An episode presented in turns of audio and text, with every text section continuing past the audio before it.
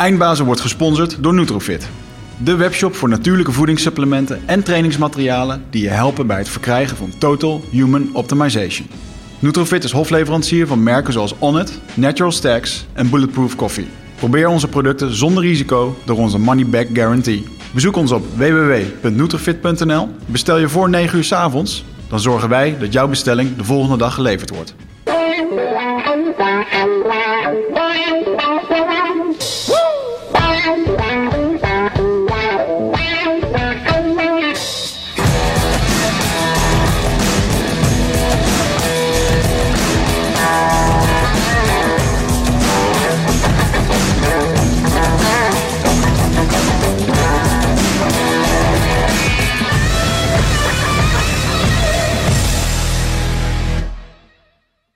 Bravo, beta. Charlie, Delta, Frederik.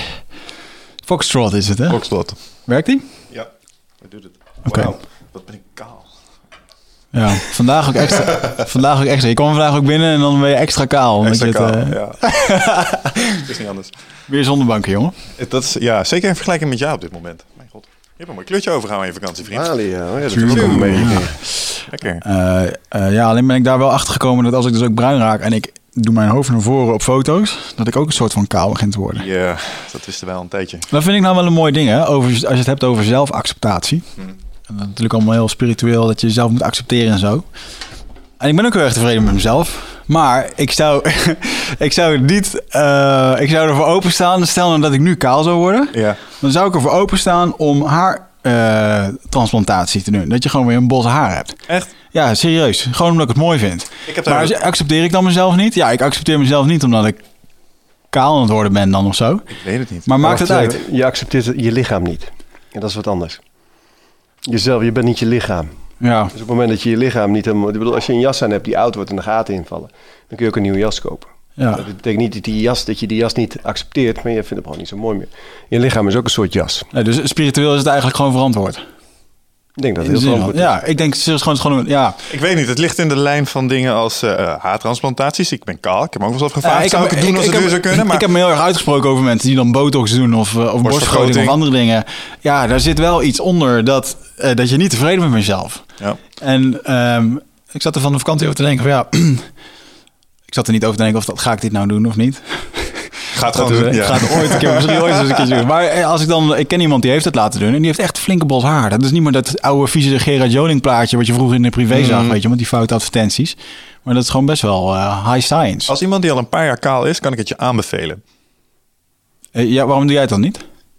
Op dit moment, omdat het eigenlijk super praktisch is, kort haar, zeker Mhm. mm op sport eh, die, die we deden. Eh, maar eh, het went ook zo snel om er geen producten meer in te hoeven smeren zoals Jan zou. Als iemand die half lang haar heeft gehad en dat vol smeerde met Dat van doen we ook alles. niet. en Dat dat doen we ook dingen. Nee, je houdt het wel redelijk kort op zich. Ja. ik weet het niet. Ik vind het prettig. Ga een crowdfunding actie opstarten voor jou om jou weer haar te Ik geven. heb laatst een foto online gezet van, me- van mezelf van vroeger met lang haar. Daar kwamen leuke reacties op. Ja. Niet iedereen vond het iets. Mooi, oké. Vandaag hebben we een bezig bijtje in de studio. Eh, ja, ik probeerde jou een label te geven vanochtend, maar ik heb het niet gevonden. Hoe mogen we jou noemen? Robert? Eh, met, wat doe jij? Wat doe jij als label zijnde? Nou, wat ik doe is eh, mensen helpen om ehm, weer terug te komen bij wie ze in werkelijkheid zijn. Omdat ik erin geloof dat als mensen ehm, bewust worden en hun eigen essentie weer vinden, dat, ze dan, dat er dan ook iets in ze verandert. En dat ze dan beter voor zichzelf gaan zorgen, beter voor anderen gaan zorgen en uiteindelijk beter voor moeder aarde en alles wat erop groeit gaan zorgen. En dat doe ik op heel veel verschillende manieren. Dus door mensen te begeleiden, online en offline. Dat doe ik door het opleiden van coaches. Dat doe ik door het opleiden van trainers. Ehm, dat doen we in het bedrijfsleven. Dat doe ik door het maken van films. Dus door het schrijven van boeken. Mhm. Ehm, eigenlijk heel breed. Mooi. En dat doe jij onder de naam Robert Bridgman. Ja. Eh, dat, zo heet ook jouw bedrijf. Ja. En ehm, eh, wat mij het eerste opviel toen ik een beetje in jou ging duiken, eh, was dat jij ehm, meditatieles hebt gegeven in een land waar meditatie zo min of meer is uitgevonden. Ja. Vietnam, Ja, Vietnam, toch? ja. Daar heb je ook echt gewoond. Ja, twee jaar. Ja. Kan, je, kan je er wat over vertellen over die, eh, die rit? Ja, en dan kom ik nog steeds. Ik vlieg eh, over twee weken geloof ik naar, eh, weer naar Vietnam om les te geven. We zijn ehm, ehm, in 2010, zijn mijn, mijn vrouw, mijn huidige vrouw toen nog niet, Monique en ik, die besloten om... eh, om eh, we leerden mensen om hun passie te volgen. Om, om, eh, passie is de taal van de ziel, de GPS van de ziel. En als je ergens passie voor voelt, dan moet je het doen. Want het is je ziel die je vertelt... hé hey joh, dit is deel van je missie. En je hoeft niet je missie te overzien.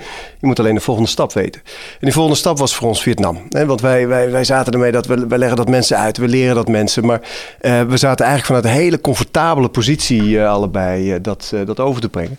Toen dacht van, nou, weet je, als we eh, nu zelf in het diepe stappen, wat gebeurt er dan? En ik was al eens een maand in Nepal geweest en eh, we hadden al het nodige eh, meegemaakt. En ehm, eh, toen hebben we besloten om daar ons, ons te gaan vestigen. En in eerste instantie ehm, wisten we ook niet wat we daar gingen doen. Dus we zijn erheen gegaan zonder enig idee. En alleen met het idee van wat we ook doen, mag alleen maar als het ons echt inspireert. Als het echt tot op het bot gaat. En eh, toen kwamen we daar en we begonnen in een NK-appartementje. Ik denk, ja, wat ga ik dan doen? En ik had me daarvoor al wel ehm, eh, laten omscholen tot eh, energiegenezer. Ik ben de, de Reiki Master in verschillende lineages. En Shambhala genezen en nog een aantal van dat soort achtergronden. En toen dacht ik, weet je wat ik ga doen? Ik ga gewoon energiegenezer worden. Dus ik heb een, een, als het ware een, een, een, kaartje op de deur geplakt. Energiegenezer. En ik heb een massagetafel aangeschaft. En ik ben gewoon begonnen in ons eenkamer appartementje. En eh, daar kwamen, in eerste instantie kwamen daar eh, wat Nederlandse vrouwen op af. En, eh, wat, en dat is op, een dans, op een feest. De vrouwen zijn de eerste die gaan dansen. Ehm, en daar kwamen nog eens wat mensen op af. En toen kwamen er wat Nederlandse mannen op af. En op een gegeven moment kwamen de Engelse mensen. En dan kwamen de Amerikanen. Toen kwamen de Australië, Australiërs. En toen kwamen de Vietnamezen. En, toen en dat groeide en dat groeide. En op een gegeven moment was er een, een vrouw. Irene Hof heet ze. Ze is kunstenares. Ze woont nu op Bali. En ze zei, Robert, eh, ik heb een boek gelezen. En dat heet De monnik die zijn Ferrari verkocht. En ze zegt, jij bent die monnik. En ik wil eigenlijk niet alleen energiebehandelingen van je. Ik wil eh, van je leren. Ik wil weten wat je doet. En Je, je, hebt, je, hebt mij iets te geven. Dus ik ben begonnen met, eh, met haar eh begeleiden. Ik denk, ja, dat, dat inspireert me. Dat is wat ik, wat ik, wat ik gaaf vind. En ehm, daar kwamen eigenlijk heel veel mensen op af. Toen dat vuurtje rondging, zeg maar, door... eh An Phu was de wijk waar we toen in woonden. In uh, expertwijk in, in Saigon, Ho Chi Minh City. En dat vuurtje ging rond. En ehm, nou ja, een half jaar later hadden we een centrum. Want Monique was inmiddels yogales gaan geven. Ik was meditatieles gaan geven. Ehm, een half jaar later hadden we een, een, pand, een, wit pand eh, bij eh, Saigon River eh, gehuurd. Waar we een meditatiestudio hadden en behandelkamers. En nou, daar kwamen mensen van over de hele wereld naartoe om... ehm, eh, om les te krijgen in verschillende dingen. Dus we, we coachten mensen, we gaven meditatieles, we energiebehandelingen, yogales, noem het maar op. Ja. Lachen. Maar als je, ehm, je, je had er voornamelijk dan experts over de vloer. In eerste instantie wel, ja. En dan, eh, op een gegeven moment ben ik ontdekt toen door eh, een dame, ja, die, de- de, Vietnamese Joop van den Ende, zeg maar. Ze heeft een, een filmstudio en, televisie. En zij zocht eigenlijk een meditatieleraar voor haar eigen groepen. En eh, zij is toen een aantal keer meegedraaid in ons centrum. Ze zei, joh, dit vind ik zo, eh, zo gaaf. Wil jij, eh, wil jij, kan ik jou inzetten? Ik zei, nou, is goed. Dat, dat, weet je, dat inspireert me. En ik ben ehm, in haar bedrijf in eerste instantie eh, eh, les gaan geven. En voor haar groepen, ze hadden elke dinsdagavond een groep Vietnamezen. En via dat kwam ik steeds meer bedrijven. En op een gegeven moment gingen we retraites geven. Dus met 40 Vietnamese managers eh, in, een, eh, in een luxe resort daar eh, bij een meer eh, een week lang eh, meditatieles geven. En, en ja, dat was wel heel bijzonder. En dat doe ik nog steeds. Ik, ik zei het al, ik vlieg in, eh, eh, over twee weken weer naar Vietnam. En dan ga ik weer, heb ik weer een aantal lesdagen staan, met, met name met Vietnamezen. Ja. Mooi. Hoe, ben je dan in dat meditatieverhaal uh, gerold? Want als je les kan geven in mediteren, dan moet je, moet je, daar, moet je daar ook de 10.000 uur in gemaakt hebben? Nou, 2500 min- minimaal wel. En uh, wat... Um, wat um, in het lesgeven of in het mediteren zelf? In het mediteren zelf, ja. En je moet natuurlijk toestemming hebben van een leraar. Er is een overdracht in. Um, nou, wat, wat even, het verhaal in het kort is dat ik... Ik was directeur van een bouwbedrijf. Ik had uh, 80 mensen in dienst... Um, een bouwdienstverleningsbedrijf eigenlijk. En daarnaast had ik nog wat kleine bedrijfjes waar ik in uh, investeerde. En um, ik was wat gezetter. Misschien ken je die foto's wel, die gaan online wel, uh, wel rond. Uh, vatsige vent, veel roken, veel drinken. Uh, ja, en, en, en, dat was ik eigenlijk helemaal niet. Want als kind was ik, ik was een heel creatief, kwetsbaar, nieuwsgierig kind. Eh, wat eigenlijk alleen maar bezig was met eh, onrecht in de wereld. Ik wilde boswachter worden toen ik klein was. Weet je? Dus ik had eigenlijk helemaal niet in die bouw terecht moeten komen. Maar rond mijn 14 en 15 ben ik in de horeca terechtgekomen. Ehm, en na mijn horeca-carrière ben ik gaan reizen. En toen ik terugkwam van het reizen, ja, toen rolde ik als het ware die, eh, die wereld in. Keiharde wereld. Dan ga je allerlei afweermechanismen ga je ontwikkelen. Dus ik, ik was heel, heel scheef geconditioneerd. Hè. Dus de, de persoonlijkheid die ik had gecreëerd was niet de leukste, om het maar even zo te zeggen. Ook niet voor mijn directe omgeving. Ehm, ik was getrouwd toen. En ehm, ehm, ja, eigenlijk in een korte tijd eh, kwam ik in een eh, conflict met, eh, met de mensen waar ik dat bedrijf mee, mee runde. En werd ik uitgezet. Nou, dat was de eerste barst in mijn toenmalig conditionering. En niet lang daarna, toen ging mijn vrouw er vandoor. En ehm, dat was de klap die, eh, die, ehm, eh, die- ja, die, die, die uiteindelijk ehm, mij ehm, tot transformatie heeft eh, aangemoedigd. En het mooie is dat tussen die twee evenementen, dus tussen dat, dat einde van, dat, van, dat, van mijn betrekking bij dat bedrijf en het, de scheiding, ben ik een, een, een ander pad opgegaan. Ik zag een soort van opening. Hè. Door die eerste barst dacht ik van, eh, er is iets anders. Ik leef niet het leven waar ik hiervoor kom. Ik leef niet het leven wat ik hier... Ik, ik doe niet wat ik hier te doen heb. Ik ben een andere kant op gegaan. En het kan nu, weet je, ik kan nu heel makkelijk weer gaan solliciteren. En dan heb ik weer een nieuwe baan met alles erop en eraan. Ehm, maar dat is het niet. Ik wil het niet meer. Ik wil terug. Eh, Ik voelde dat, weet je, alsof er een parallel, een leven was, parallel aan het leven wat ik leidde, wat ik eigenlijk te leiden had. En ik ben toen eh, gaan mediteren. Dat was, ik ben in eerste instantie heb ik een sabbatical genomen van een half jaar. Ben ik gaan op onderzoek uitgegaan. Alles wat ik kon vinden. eh, of het nou eh, religies waren, het christendom, eh, eh, de islam, boeddhisme, hindoeïsme. Maar ook allerlei mystieken. De Advaita Vedanta, de gnosis, het soefisme. allerlei energiegeneeswijzen. eh, in eerste instantie een soort bureauonderzoek. Toen ben ik workshops gaan doen. Toen ben ik trainingen gaan doen. En op een gegeven moment kwam ik niet verder met mijn hoofd. Ik denk, ja, ik, ik kom, ik, weet je, er is iets, maar ik kreeg het niet te pakken. En toen dacht ik, ja, overal waar je kijkt komt meditatie terug. Dus wat nou als ik eens ga mediteren? En ik heb toen, eh, ben toen gaan mediteren bij eh, Dingeman Boot. Hij is inmiddels eh, dik in de tachtig. Eh, voormalig boeddhi- boeddhistisch monnik in, in Zwolle, waar ik ehm, toen woonde. En ehm, inmiddels weer. En bij Dingeman ehm, eh, kwam ik op, in zijn centrum. En ik weet al de eerste keer dat ik ging zitten. en de eerste keer dat ik mediteerde, dacht ik, ja, fuck, dit heb ik al zo vaak gedaan. Ik ben thuis. Dit, dit, dit, is, dit is het. Dit is het. Dit is wat ik, wat ik al die jaren gezocht had. En dat ging dus ook heel snel. Mijn ontwikkeling ging, eh, ging eh, heel snel. Toen ik in Nederland woonde nog, heb ik, eh, begon ik al met lesgeven. En ehm, ja, toen we naar Vietnam gingen, heb ik dat eigenlijk, ben ik dat eigenlijk gaan intensiveren. En met toestemming van, van mijn leraar ben ik toen ehm, les gaan geven. Maar goed, er zitten wel allerlei retretes eh, ehm, eh, in Nepal bij uh, Saida Upandita, grote meditatieleraar. In Thailand heb ik een aantal weken in een klooster gezeten. Ehm, in Nederland heb ik verschillende de, de gedaan bij Dingeman en Jotica Hermsen, misschien wel of niet bekend. Ehm, dus ik, heb mijn uur, ik had mijn uren wel gemaakt, zeg maar, mijn vlieguren voordat ik daarmee begon. Ja, dat allemaal in een tijdsbestek van een aantal, uh, uh, aantal jaren. Eigenlijk ging dat heel snel. In drie jaar tijd een soort van uh, meditatie-intensive en belachelijk veel uren gedraaid over de hele wereld. Ja. Maar ik begreep het gewoon, weet je. Ik begreep het een soort van direct. En door meditatie um, leerde ik ook omgaan met pijn. Pijn is, een, is anders dan wij altijd denken. De meeste mensen willen weg bij pijn. Ons brein is ook, we zijn pijnvermijdend. Hè? Het zit in ons limbisch systeem. En um, ik was ook een, van de, nou ja, een, schoolvoorbeeld van pijnvermijdend. Bij de tandarts nam ik verdoving. Als ik me niet goed voelde, nam ik een borrel uh, of een sigaret of uh, uh, een joint of wat dan ook pijnvermijdend. En sporten vond ik verschrikkelijk, daarom was ik ook zo, zo gezet. En um, op het moment dat mijn, uh, uh, mijn er vandoor ging, toen dacht ik, ja, ik kan nu doen wat ik altijd heb gedaan, het op een zuipen zetten en, en feest vieren. En, en, uh, of ik ga door de pijn heen. En toen heb ik voor het eerst in mijn leven ervoor gekozen om die pijn aan te gaan. En er dwars doorheen te gaan. En toen zat ik op een gegeven moment op het toilet of all places. En um, uh, ik, was, ik was, die pijn, dat deed zo godvergeten veel pijn. Dat, dat, dat zij weg was. En ook nog met een collega waarvan ze uh, toen zei dat er niks was, maar later wel mee getrouwd is en inmiddels twee kinderen mee heeft.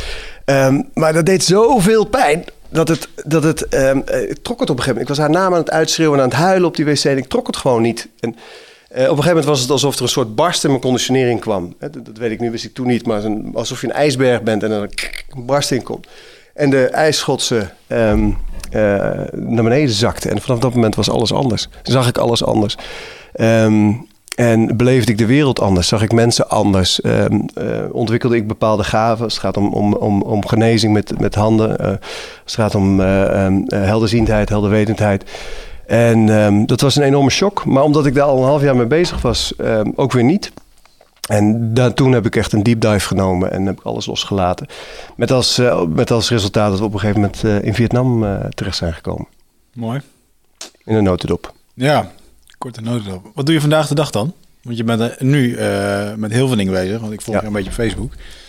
Ik zie je documentaires maken over vegetarisch... vegetarisch eh, je bent Ja. een vegetariër ook? Veganist. Veganist zelfs. Flexi-vegan noemen we dat. Sinds wanneer? Sinds, nou nog niet zo lang. Vegetariër ben ik nu eh, negen jaar.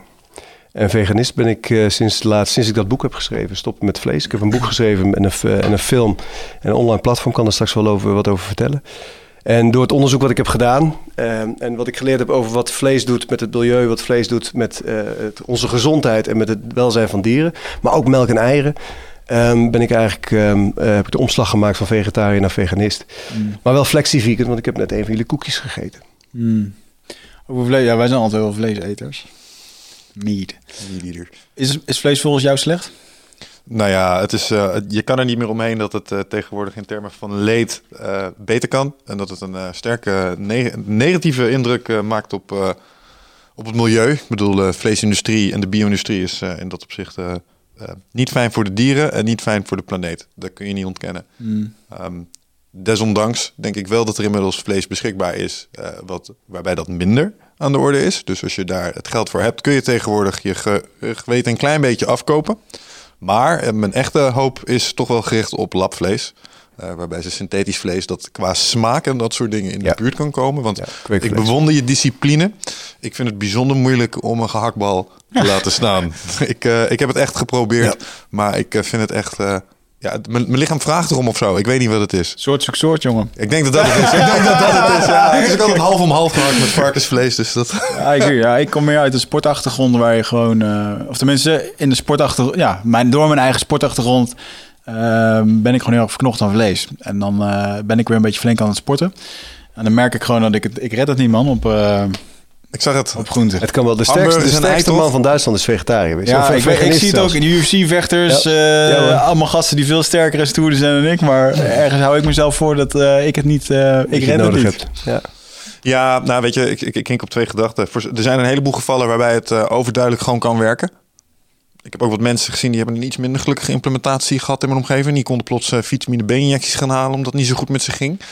Dus eh, qua gezondheid eh, weet ik niet. Maar ja, nee, bijvoorbeeld de sarai die is ook overtuigd veganistisch volgens mij. En die is ook hartstikke gezond. En die coacht allerlei atleten om meer in die richting te eten. Het kan Ja, wel. wel. Dat Ja, kan wel. Nou en of. Nou en of. Waarom is vlees sle- slecht voor ons? In het, eh, dat, dat weet je waarschijnlijk omdat je dat onderzocht hebt. Ja, we hebben heel veel onderzoeken, eh, ehm, ik denk eh, meer dan 100 onderzoeken bekeken om, eh, in, in het maken van het boek en de film. En eh, wat vlees doet, het is ehm, onlangs elk geval bewerkt vlees. is onlangs, eh, dus alles met, met worsten te maken heeft, wat met sausijsbroodjes te maken heeft, eh, gehaktballen tot op zekere hoogte als ze voorbewerkt zijn. Ehm, maar eh, spek, ham, bewerkt vlees is onlangs door de Wereldgezondheidsorganisatie op ehm, de lijst met kankerverwekkende stoffen gezet. Zo zijn ze broodjes ook. Er wat in zit, ja. Ja, ja sorry. Ja, ik kan er niks aan doen. En welke Nee, dat organisatie... heeft ermee te maken. Dat heeft ermee, dat is een onderzoek. eh, weet je, je, hebt, je hebt onderzoeken en je hebt meta-analyses. Dus er is een meta-analyse gemaakt van 800 onderzoeken naar de effecten van verwerkt vlees op onze gezondheid. En daaruit bleek, en dan moet ik even goed nadenken, eh, maar dat bij een bepaalde hoeveelheid vlees, en dat was niet eens zoveel, de kans op, op darmkanker met 18% eh, toenam. En eh, wat je ook ziet is dat. ehm, eh, rood vlees, dus varkensvlees en, koeien, eh, en eh, koeienvlees, dat daar ook kanker, de kans op kanker mee verhoogt. En je hoeft eigenlijk alleen maar te gaan kijken op de sites van het KWF en van de Hartstichting en van ehm eh, Diabetesfonds. En dan zie je allemaal dat ze afraden om te veel vlees te eten. Eh, verhalen van eh, eh, Bill Clinton, die president, hè, die een aantal bypasses heeft gehad. eh, en door plantaardig te eten ineens ja, een, een omdraai heeft gehad in zijn, in zijn gezondheid en welzijn. En wat ook blijkt uit, onderzoek is dat de kans. Het is niet alleen zo dat de kans op hartkwalen verminderd wordt als je geen vlees eet. Dus als je plantaardig of geen dierlijk eet. Want het geldt ook voor melk en, en, en eieren. Melkproducten en eieren. Maar de kans dat als je Ehm, of als je eh, stopt met dierlijk eten, dat, dat, dat, dan neemt de kans op hartkwalen niet alleen af. Mensen die hartkwalen hebben, of een hartaanval hebben gehad, of uh, dichtgeslipt zijn, uh, daar zie je ook bij dat, die, dat, dat er een turnaround is. Dus dat die mensen weer beter worden, als het ware, door, het, door veganistisch te eten, door plantaardig te eten. Mm. Ja, en dat is, dat, dat is dat, alleen dat stukje al, hè, dat gezondheidsaspect, is voor mij al genoeg om het, om het niet te doen.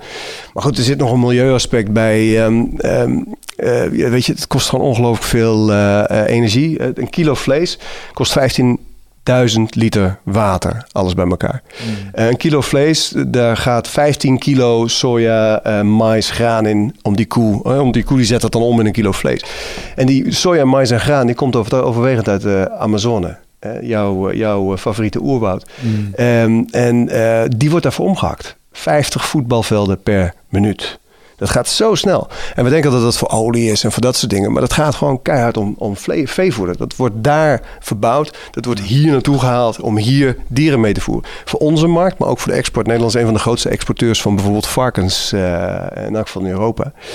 En een derde argument is omdat het um, uh, dierenwelzijn. Uh, ik dacht altijd in Nederland valt het wel mee. Maar inmiddels weet ik hoe het in Nederland zit. Ik ben nu twee jaar bezig met, dit, uh, met het onderzoek naar, naar vlees. Hè. Hoe zit dat? Mhm. Het heet project vlees. Ik maak er een documentaire van die eind volgend jaar op televisie komt. En een boek, Stoppen met Vlees, wat in maart uitkomt. En samen met mensen van Google zijn we een online platform aan het bouwen... waar mensen dus alle actualiteiten en dergelijke kunnen, kunnen vinden. Dus die drie pijlers, zeg maar, is project vlees. En... Um, als je dan kijkt naar dierenwelzijn, er is onlangs een, eh, een brief van de uh, open brief van dierenartsen uit de branche, uit de sector, in het NRC geplaatst. Die eigenlijk oproepen, 66 dierenartsen die oproepen, uh, dat, dat kan niet meer. Het kan niet zoals we met dieren omgaan. De, wat we doen in Nederland. En Nederland is toch een van de, ja, een van de meest bewuste landen op dat gebied. Uh, maar als dierenartsen uit de branche, dus mensen die opgeleid zijn om de branche te verbeteren, hè, want daar zijn ze voor. Als die al aangeven dat het echt niet kan zo, ja, dan moet er toch een belletje gaan rinkelen. En um, nou, als je dat verder wil uh, inhoudelijk, uh, dat staat allemaal in mijn boek. En dat komt allemaal in die film en op dat platform. Dus als mensen daar uh, meer van willen weten, dan Hmm. Dan, is daar, eh, dan heb ik daar heel veel informatie voor. Hoe, hoe heb je het ingestoken? Als in de zin van, uh, ik, ik ben de vegetariër die ten strijde gaat? Of een beetje als de cowspiracy, dat je gewoon voorziet van informatie... en dat mensen echt heel erg zelf ja, voorzien van informatie. Ook niet wijzen, weet je. Het is ook niet te wijzen naar de bio-industrie. Ik denk dat het een probleem is wat we uh, met z'n allen hebben gecreëerd. Overheid, banken, um, de industrie zelf, maar ook consumenten natuurlijk. En uh, supermarkten ook. En dat komt ook heel erg naar voren in het onderzoek en in het boek en in de film.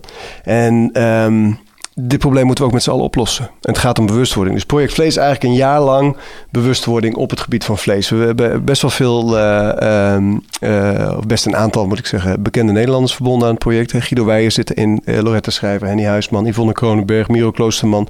Um, en nog een aantal, aantal wetenschappers en, en, en specialisten um, eraan gekoppeld.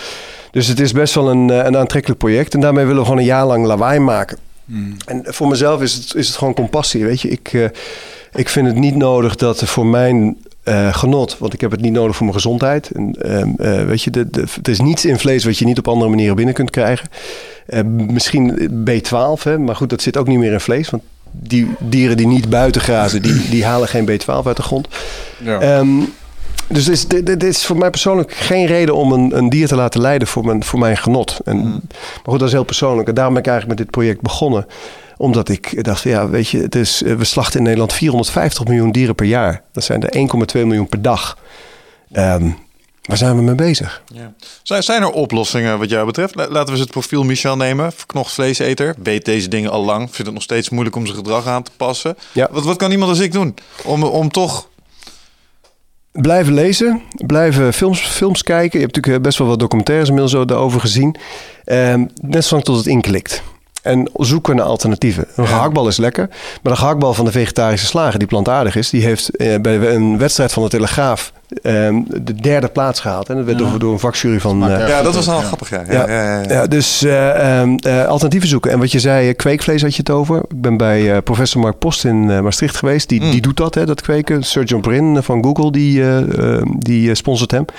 En um, dat zit er gewoon aan te komen. Over een paar jaar kun je gewoon gekweekt vlees uh, in de supermarkt uh, eten. Hamburgers en dan nog een paar jaar. En dan zijn de, beef, de eerste biefstukken ook uh, Dat, zou- dat zou ik echt zonder enig moment van twijfel waarschijnlijk doen. Als, denk als, dat als dat er ligt en het, is. en het is gewoon eh, even smaakvol en er is aangetoond dat het niet op lange termijn iets eh, voor je doet, Ja. zeg maar.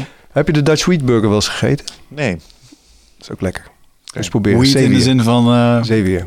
Oké. Ja, ja, kun je ook andere associaties Oh, zo. hebben. Ik kan zeggen, ja, die heb ik wel eens gegeten. Eh, ja, maar zeker. deze dan niet. Nee, deze niet. Ja, wel, en dat opzicht, eh, eh, misschien is het ook wel, en dat is bij mij zeker het geval, als ik door de supermarkt struin, dan eh eh, gedachten, eh, gewoon standaard patronen die je afloopt, zoals een supermarkt doorstruinen die anders valt me inmiddels op. Ehm, dus dan ga je snel naar je geëikte eh, gerechten. Gewoon een simpele tip voor iemand te sick. Probeer dat eens een keer als je dan toch iets lekkers wil eten. Nou Ja, ik ben heel erg fan van de eh, producten van de vegetarische slager, zoals ik al zei. Die vegetarische kip van hun ook, eh, die werd gepresenteerd aan eh, Ferran Adria. Dat is, was de chefkok van El Bulli, een van de toprestaurants ter wereld. Hè, een, een eh, drie sterren restaurant. En die dacht dat het echte kip was. Van een of andere speciale kippenras uit, eh, uit, eh, uit een bijzondere plek. En ehm, eh, dus probeer dat eens. Ga gewoon Ja. eens kijken, wat, wat, wat, hoe smaakt het nou eigenlijk? En vegetarische shawarma heb je, je hebt vegetarische hamburgers, je hebt vegetarische eh, gehaktballetjes. Je hebt alles, nou ja, alles is een groot woord, maar heel veel producten zijn, zijn er gewoon. En broodbeleg komt, Albert Heijn is bezig met broodbeleg, dus er komt allerlei vegetarisch broodbeleg op de markt. Kijk maar eens. Jij weet dat niet, maar achter de schermen zijn we bezig om onze gastenboeker en ik om eh, die vegetarische slager hierheen te halen. Mooi. Nou, daar kan ik wel bij helpen. Dus eh, volgens mij is er al een eerste Jaap vragen. Ja, het is hier zo gezellig, dat vindt Jaap ook leuk. Ja. Ja, ja, top. Nou, ik vind dat hij goed werk doet en ik vind ook dat hij het op een mooie manier presenteert. En eh, ik moest laatst ook wel weer lachen. Hij werd volgens mij een beetje tegengewerkt dat eh, hij mocht het niet als Spekkie. Was dat wat dat spekkie verkopen of wat. eh hij dat? een Ja, een dat een tijdje naam geleden. aangegeven Ja. die eh, wat dan weer niet mocht of zo. Ja, dat klopt ja. Dat staat ook iets van mij. Ja, de NVWA die heeft een eh, brief gestuurd, maar dat, dat, was, eh, dat was gauw afgelopen. Ze hebben wel bakzaal gehaald. Ja. Bijzonder. Ja. Ze hebben het gewoon in de media gegooid. hè. En, en, kweekvlees dan, in de zin van, jij bent ook best spiritueel eh, ingestoken. Eh, mijn mening is van dat kweekvlees, ja, ik denk, er, zit, er heeft geen ziel ingezeten. En dan dat kweekvlees niet. Het Vind ik komt dan... al uit een koe, hè? Hm? Het komt uit een koe. Alleen die koe blijft leven. Ja, hoe wordt dat gemaakt dan? Ik dacht dat het echt iets was wat gewoon Nee, ze, ze synthetisch... kweken eh, eigenlijk gewoon een koe zonder hersenen. Zonder, zonder gewoon, gewoon er staat een ding dat heeft geen Ja, bewustzijn. het is gewoon een soort zombie. Ja, eigenlijk wel. ja, ja, ja, zombie cows, basically dat. Zonder pijnregistratie, gewoon proteïnes. Want wat is wat, is, wat, is wat je eet? Spiermassa. Dat is wat je bakt. En eh, dat is wat je eet. En eh, dat kweken ze dan gewoon. Dit, eh, je ziet echt zo'n alien scène voor me, waar ze allemaal van die grote tubes hebben met van die Ja, koeien. voordat we daar zijn, komen er, eh, komen er eerst gewoon, gewoon... Dat zijn nog gewone koeien die eh, gewoon leven. En je moet je voor, ik, ik denk dat het straks zo wordt dat je een dierenweide hebt in een, eh, in een wijk. Daar staat een koe. Die koe, daar, haalde, haalde enkele, daar haalt iemand één keer in de zoveel tijd eh, cellen uit. Ehm, eh, een stukje vlees heb je daarvoor nodig, wat stamcellen. Er staat een koelkast naast. In die koelkast worden hamburgers gekweekt en daar kan de hele buurt van eten. En dat, dat, is het idee van Mark Post. Maar dat, dat zou maar zo kunnen, kunnen dat we daar naartoe gaan. Dus in eerste instantie kunnen ze wel blijven leven. Mm. Ja. Maar ze hebben gewoon een beter leven als voorheen. ja, je hebt er veel minder nodig. Nee, ik heb het echt over labvlees. Want ik weet dat ze daar ook mee zijn. Gewoon meat Ja. eh, uit een vat, inderdaad. En, Ja. en dan gaat het meer de kant op waar Wigert het over had. Ja. Vraag die ik hierbij heb, hè? Want, eh, het, het, eh, over het vegetarisch zijn. Ehm, wat zou er veranderen voor jou op het moment dat we erachter komen dat planten misschien ook wel iets van een bewustzijn hebben? Alleen dat het zich misschien op een, eh, op een ander tijds zeg maar, niveau afspeelt. Wij gaan heel snel, maar misschien gaan planten hebben ook wel een soort van bewustzijn. Ik eh, luister veel naar eh, podcasts uit Amerika waar dat soort thema's ook wel eens worden besproken. Laatst was er een meneer die had het over schimmels. En dat dat eh, een derde van de biomassa is. En die lijkt alles met elkaar te verbinden. En dat reageert op prikkels van buitenaf. En dat suggereert intelligentie. Ehm, maar daar eten we wel gewoon van. Wat nou als blijkt dat paddenstoelen en zo eigenlijk ook een soort van bewustzijn hebben? Wat doet dat- dat nog met, ons, eh, eh, met onze houding ten opzichte van vlees? Want dan is, het, niet- dan is het niet anders als plantenmassa, toch? Nee, maar ik denk dat je nou uiteindelijk naar andere oplossingen gaat eh, zoeken. Kijk, planten hebben bewustzijn. Dat is ook wetenschappelijk aangetoond met, eh, met leugendetectors en dergelijke. Dat is geen geheim. En als je, zeker heilzame planten hebben zelfs een, een ziel en, een, en, dat zijn entiteiten die, zich, eh, eh, die ook met je kunnen communiceren. Nou, daar heb jij alles van, van ervaren. Ehm, en ehm, ik denk dat we er naartoe gaan dat we eh, straks vlees gewoon printen. Dat we vlees eh, en ook planten, dus eten eigenlijk, eh, gewoon, op, gewoon zelf gaan creëren zonder dat daar een dier of een plant eh, ja, heeft bijgekomen is. Maar ik denk dat we als mensheid nog niet zo ver zijn dat we het bewustzijn van planten ook mee kunnen nemen in, het, in onze overwegingen. Het begint bij dieren. De, de vraag is dan, is dat überhaupt het doel wel? Want als ik kijk naar wat beren doen, die eten ook gewoon andere dieren. En de koeien eten ook gewoon gras. They don't care. Eh, of het nou bewust is of niet. En ontslaat ons dat ook niet een klein beetje van die verplichting die wij onszelf opleggen als onderdeel Ja, van dat ecosysteem? De Zeg maar? circle of life. Alleen we zijn natuurlijk al lang geen onderdeel van het ecosysteem meer. Een, een koe eet gras. Ja. En Ja, true. wij slachten 450 miljoen dieren per, per jaar. Alleen in Nederland. 6,5 andere schaal, miljard ja. dieren Hoe op jaar. kan de wereld niet rennen in ieder geval? Nee. Eh, I agree. Hmm. Ja, dat is wel interessant. Nee, maar ik, ik, vind dat, dat is dan iets waar... eh, dat, dat breekt dan mijn brein weer. Mensen die het erover hebben dat planten inderdaad ook een vorm van bewustzijn hebben. En dat zie je dan op allerlei interessante manieren terug. Hoe ze reageren op beesten die ze opeten en zo. Dan denk ik, ja, maar hey, die hebben hetzelfde gedrag als de beesten die we nu proberen te sparen. Want die hebben een bepaald gedrag dat we herkennen als mens. En daarom moet je er erbarmen mee hebben. Want hun beleving is gelijk aan die van ons. Ja, wat nou als, als bosjes ook bang kunnen zijn? Fok, fok interessant. Dus Is het ook. altijd wel benieuwd. Wat was het dat je over die schimmels had gelezen? Want eh, een schimmel lijkt meer op een Dier. me- mens, dier. Dier als op een plant. Ja, bizar hè? Wij stammen af van schimmels. En die, ja, het was, het was een Joe Rogan podcast. Het ging over een meneer die was daar specialist in. Dat noemen ze mycelium, geloof ik. En dat schijnt een soort netwerk te zijn. Wat het he- de basis is van het gehele ecosysteem van de aarde, zeg maar. En wat die meneer, ehm, als je heel zijn gedachtekonkels volgt, is dat eigenlijk een soort zenuwstelsel van de planeet. Ja. En, en als iets, internet. Zeg, ja, ja, als iets, inderdaad, het internet van de planeet. En als iets een zenuwstelsel zou kunnen zijn voor een bewustzijn, dan zou dat het zeg maar zijn. Ja. Dat mycelium network. Mooi. Ja, Ja, mooi. Dat vind ik dan weer interessante dingen. Dus ehm, Ja, nou, bizar inderdaad. Hm. Ben jij een beetje bekend met eh, plantmedicijnen? Ben je er een fan van? Ja, ik ben er wel fan van.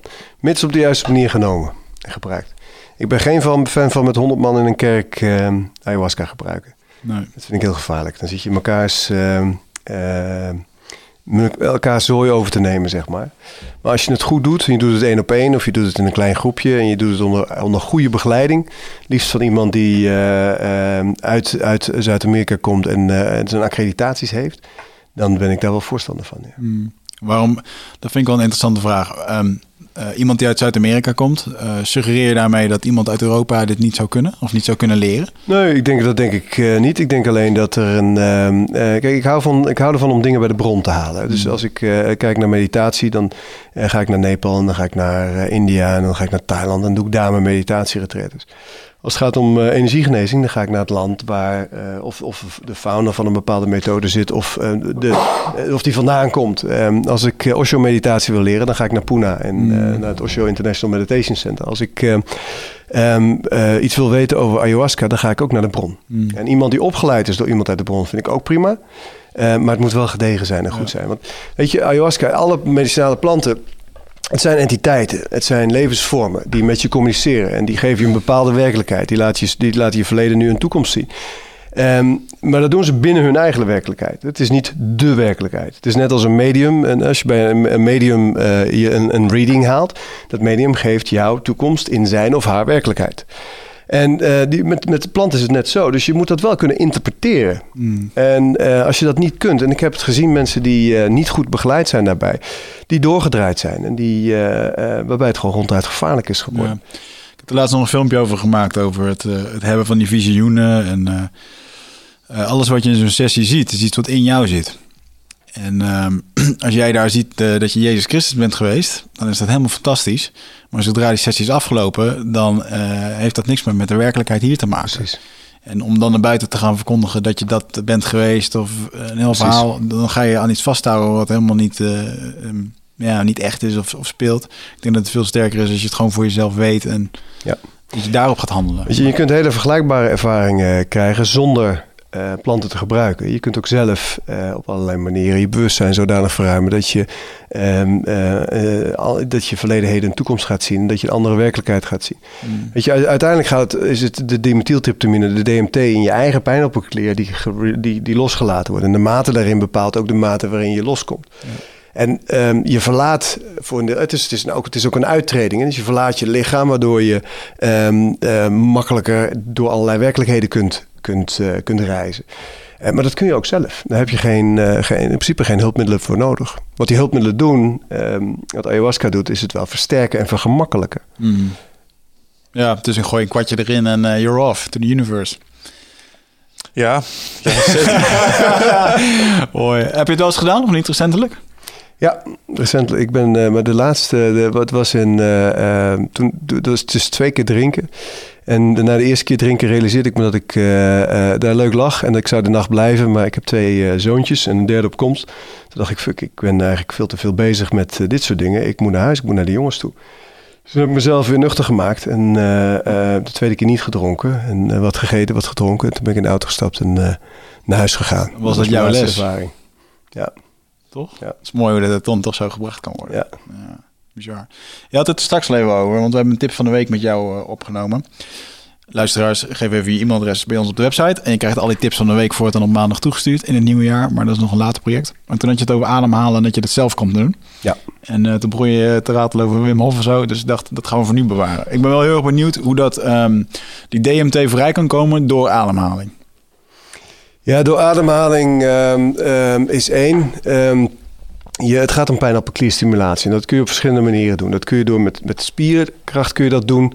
Eh, dat kun je met aandacht doen. En dat kun je met, eh, met ademhaling doen. Dus de, de, er zijn bepaalde ademhalingstechnieken... die ik ook in dat, in dat filmpje liet zien... waardoor je op een hele simpele manier... ehm, die pijnappelklier die hier achter in je hoofd zit... Hè, eh, achter je eh, limbisch systeem... ehm, ja, als het ware kunt triggeren om dat, eh, om dat, om dat los te laten. En het makkelijkste is ehm, als je, eh, dat, dat, dat, dat, dat kun jij ook, dat kan eigenlijk iedereen, maar dat moet je wel trainen als je die energie omhoog duwt, zeg maar. Je, je duwt die energie naar je pijnappelklier toe, stimuleert de pijnappelklier en als ik nu doorga, dan schiet ik mijn lichaam uit en heb ik een spirituele ervaring. Ehm, dat, ja, dat zijn zeg maar de, de, de makkelijkste manieren om dat te doen. Je kunt het ook met, eh, met een diepe ademhaling doen. Je hebt dat shamanic breathing. Hè? Zoals, eh, ja, je noemde net Wim Hof. Ehm, ehm, Wim's methode lijkt heel veel op shamanic breathing. Iets wat al, al, al eeuwen oud is. En ehm, als je dat een tijdje doet, in door de neus, uit door de mond, moeilijker is het eigenlijk niet. Met je buik, niet met je borst. Als je dat een tijdje intensief doet, dan, eh, krijg je, dan stimuleert dat ook je pijnappelklier. Hoe dat fysiologisch werkt, moet je me niet vragen. Dat weet ik niet. Maar dat het werkt, weet ik wel. Is dat holotropic breathing? Is dat hetzelfde? De? Holotropic breathing? Dat ken ik niet. Holotropisch ademen? Het klinkt wel zo. Ja, volgens mij eh, dat je in ieder geval heel kort ademt. Ik weet het niet. Is het doel Ja. om uiteindelijk een soort vorm van hyperventilatie bij jezelf op te roepen? Nee, juist niet. En dat is het verschil als je kijkt naar eh, ademhaling. Als je snel ademt met je borst, dat is een, dat is een, on- een onderzoek op Stanford geweest onlangs. Eh, als je snel ademt met je borst, dan maak je cortisol aan.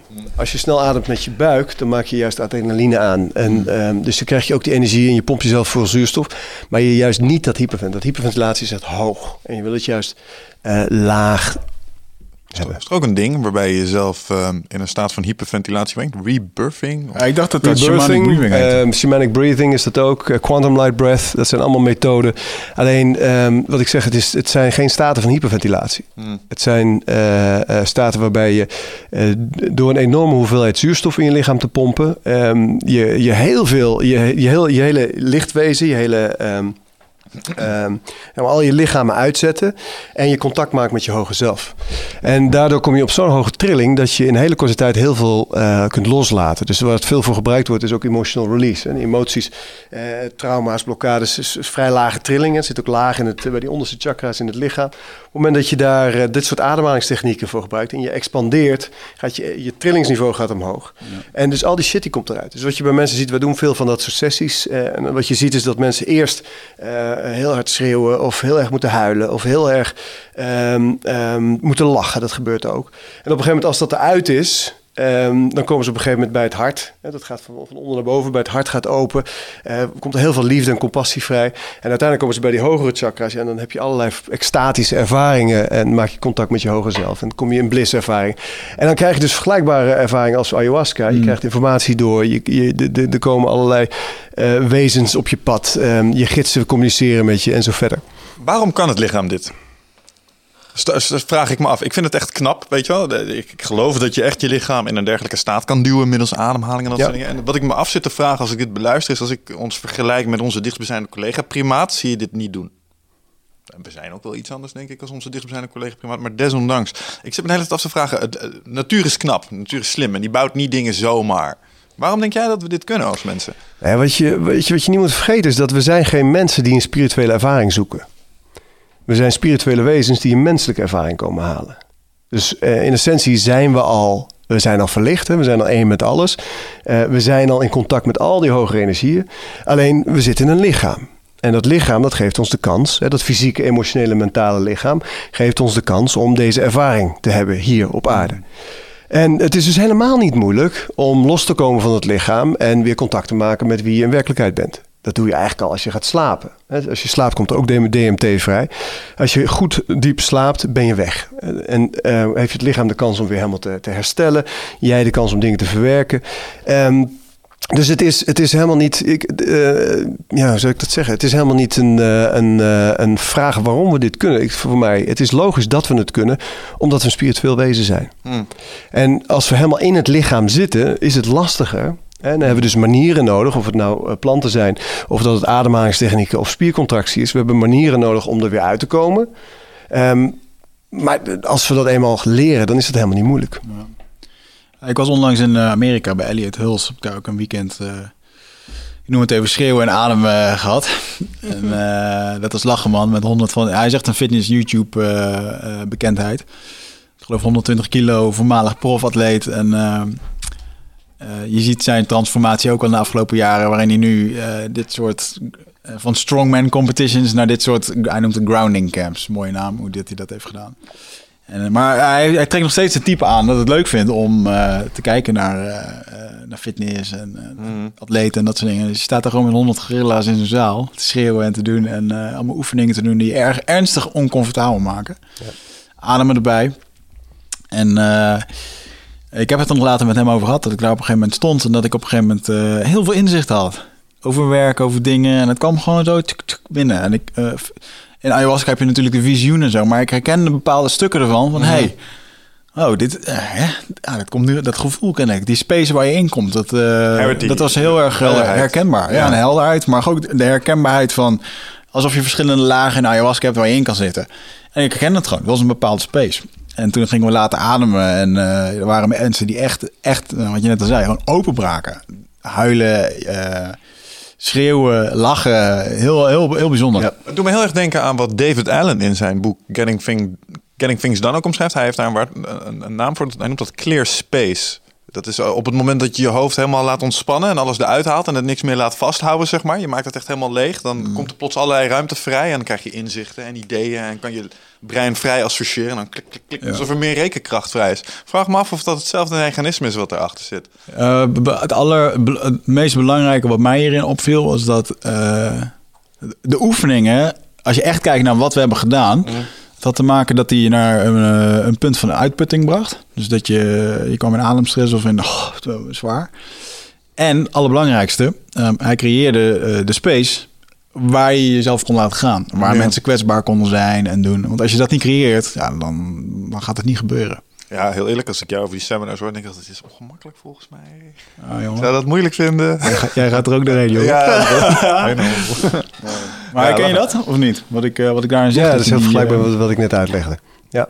mm. Ja, En dat je ook die, die hoge staten, die exta extatische staten daarna? Ik had, nou, ik, heb, eh, eh, ik had meerdere dingen dat ik met mijn ogen dicht visioen had. Of Ja. dingen zag. Ja. Ehm, eh, heel rumoerig dromen en meest vaag dromen. Dat deden we s'avonds ook van die Kundalini, medi- Kundalini meditaties. Waarbij je een kwartier lang eh, schudt. Ja. En dat was best relaxed. Het komt Eh, van Osho, hè, die, ja. eh, die meditatie. Ja, Het was eigenlijk een. eh, eh, het retreat bestond voornamelijk uit dynamic meditations van Osho. Dus we hebben er heel veel gedaan. Ja, leuk. Ja. En eh, ja, dat was echt. eh, het heeft bij mij heel veel gegeven. Ik vind het heel fijn om, om op die fysieke manier dingen los te laten. En, eh, dus als ik een keertje gestrest ben, dan doe ik een avondje zo'n eh zo'n kundalini en dan slaap ik als een os, jongen. Maar dan, dan droom je dus. Is het wel alsof er veel meer DMT aan het rondgaan is. En eh, hoe meer DMT, hoe vreemder de dromen. Ja, ja, dat geloof ik wel. Mooi. Is er zoiets in Nederland? In, eh, ben je een beetje, ik weet dat je hier in Amsterdam heb je de Osho eh, Commune. Je hebt de Osho Community, maar wij doen het ook, Bridgeman. Dus op, in onze retretes en in onze events doen we heel veel van dit soort eh, dingen, dit soort oefeningen, eh, dit soort ervaringen. Omdat het mensen helpt om eh, op alle niveaus, weet je, we werken fysiek, emotioneel, mentaal, spiritueel, om op al die niveaus te clearen en los te maken, releases te hebben en te optimaliseren. En met uiteindelijk doel om weer ehm, eh, dichter te komen bij wie je in werkelijkheid bent. Ja. Kun jij mij eens helpen met iets? Ik, ehm, ik beluister nu een paar van de dingen die je zegt. Hè? Bijvoorbeeld, eh, je raakt een paar onderwerpen aan die we hier in deze podcast wel eens hebben gehad. Maar ook wel wat, eh, ehm, wat ik dan altijd noem het zwevige. Eh, dingen als helderziendheid, helderwetendheid. Dingen als je naar de podcast luistert waarvan je weet dat eh, mijn sceptische brein dan nog wel eens eh, dit doet. En denkt, oh ja, maar hoe dan? En ik probeer me daar open in op te stellen en daar ook van te leren. Ehm, maar stel je toch eens voor dat we hier eh, een van onze andere podcastgasten neer zouden zetten. Dick Swaap. Eh, die zou daar een hele beduidende kijk op hebben. Die zou zeggen, joh, nee, dat is echt niet hoe het werkt. We, zitten, we zijn echt biologie en daar komt die hele beleving uit voort.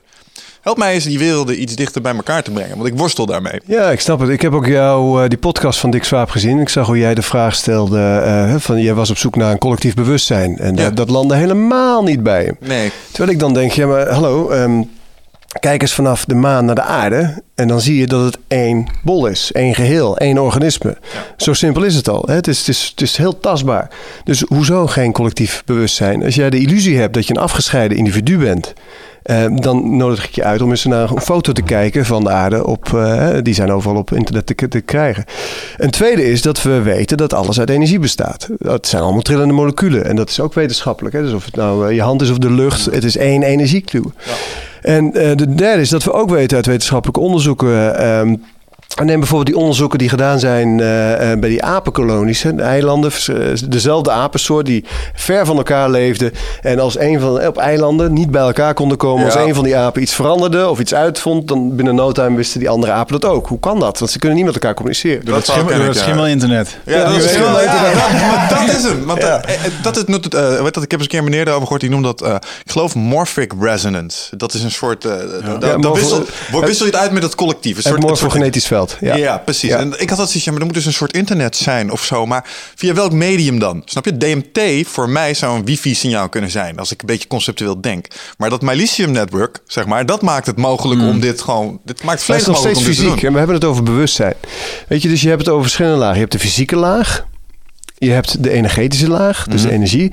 Uh, je hebt de mentale laag en je hebt de spirituele laag. En dan heb je het over bewustzijn, het collectief bewustzijn. Dus bewustzijn waar alles uit bestaat. En um, wat, uh, waar wij een soort van um, uh, uitvloeisels van zijn. Het universum wordt het ook wel genoemd. God, spirit, er zijn natuurlijk heel veel woorden voor. De, de, de, de, de universele intelligentie. Mm. Um, maar dat bewustzijn is wat ons allemaal verbindt. En dat bewustzijn is ook waar die apen mee uh, uh, via communiceren. En uh, bewustzijn wordt gecodeerd. Dus in, jou, in jouzelf alleen al, hè, je fysieke lichaam, je emotionele lichaam, je mentale lichaam, je spirituele lichaam, die communiceren met elkaar. En dat gaat door gecodeerd bewustzijn. En dat bewustzijn communiceren we ook met elkaar mee. Dus wij zitten hier bij elkaar en er is heel veel energie. Wat we zeggen is maar een heel klein deel van wat er in werkelijkheid gebeurt. Er is heel veel uh, osmose, heel veel energetische uitwisseling. Maar er is ook gecodeerd bewustzijn wat op en neer, heen en weer gaat. En, van jou naar mij en van mij naar jou en zo verder. En dat besef, dat het één bewustzijn is, dus boven het level van fysiek en nog boven het level van uh, um, uh, energie. Dat is heel belangrijk. Want als je daarop in kunt tunen, op dat veld van bewustzijn, eh, dan kun je verbinden met alles wat is. En dat is ook wat helderziendheid of helderwetendheid is. Dat is intunen op het veld van bewustzijn. Eh, en van daaruit krijg je hele andere informatie mm. dan dat je fysiek krijgt. Mm -hmm. Of energetisch krijgt. Ja. Wat ik bij Dick Swaap, het vond ik jammer achteraf dat ik toen die vraag niet kon stellen. Ik had het op een gegeven moment over andere levensvormen in de vorm van licht. Mm -hmm. Toen zei hij, ja, maar licht heeft helemaal geen bewustzijn, dus het is geen levensvorm. Toen dacht ik, ja, maar wij bestaan uit licht. Weet je, als je dan toch de wetenschapper bent, dan. Uh, ja. Mm. Ja, kijk, ik, zoals ik al zei, ik probeer hier mentale lenigheid in te ontwikkelen. Maar weet je, als je over dit soort thema's spreekt, joh, we zouden allerlei experimenten kunnen verzinnen om vast te stellen of dit echt werkt. En helaas is er nog nooit iemand door die experimenten heen gekomen. En dat vind ik altijd zo lastig als het op dit soort dingen gaat. Ik intuïtief kan ik er heel meekomen met wat je zegt. Wacht even, wat, zeg, wat, zeg je, wat zeg je nu? Nou, als wij, uh, stel we zetten jou in een kamer. We, we, gaan een experiment verzinnen waarbij jij, Wigert, ik laat Wigert in een andere kamer een kaart zien uit een pak kaarten. En jij moet hier vast, jij moet raden welke kaart het is. En we gaan kijken hoe vaak je het goed had en hoe vaak je het niet goed had. Ja. Heel vaak worden dat soort testen. Maar dat zijn andere vormen van, uh, van helderziendheid. Hè? Dat is een andere. Maar er zijn heel veel vormen in. Uh, ja, maar er zijn ook zeker experimenten die daarin geslaagd zijn. En, en het, weet je, en het, het lastige is dat als je iets, als je iets um, als je iets energetisch, fysiek probeert te pakken, mm. dat is lastig. Ja. Dus als je iets spiritueels, mentaal probeert te pakken, is ook lastig. En het mentale deel van ons is helemaal niet in staat om dat te omvatten of te begrijpen of te snappen. Het is te, te klein, te beperkt. Mm.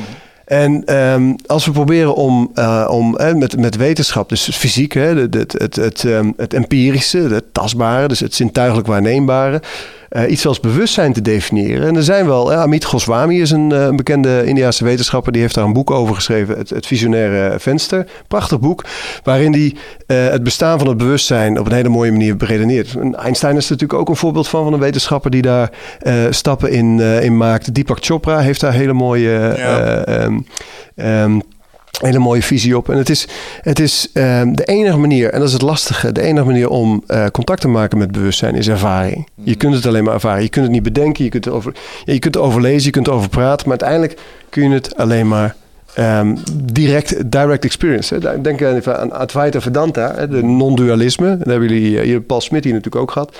En ehm, Advaita Vedanta betekent, eh, Vedanta is weten, Advaita is voorbij, is voorbij het weten.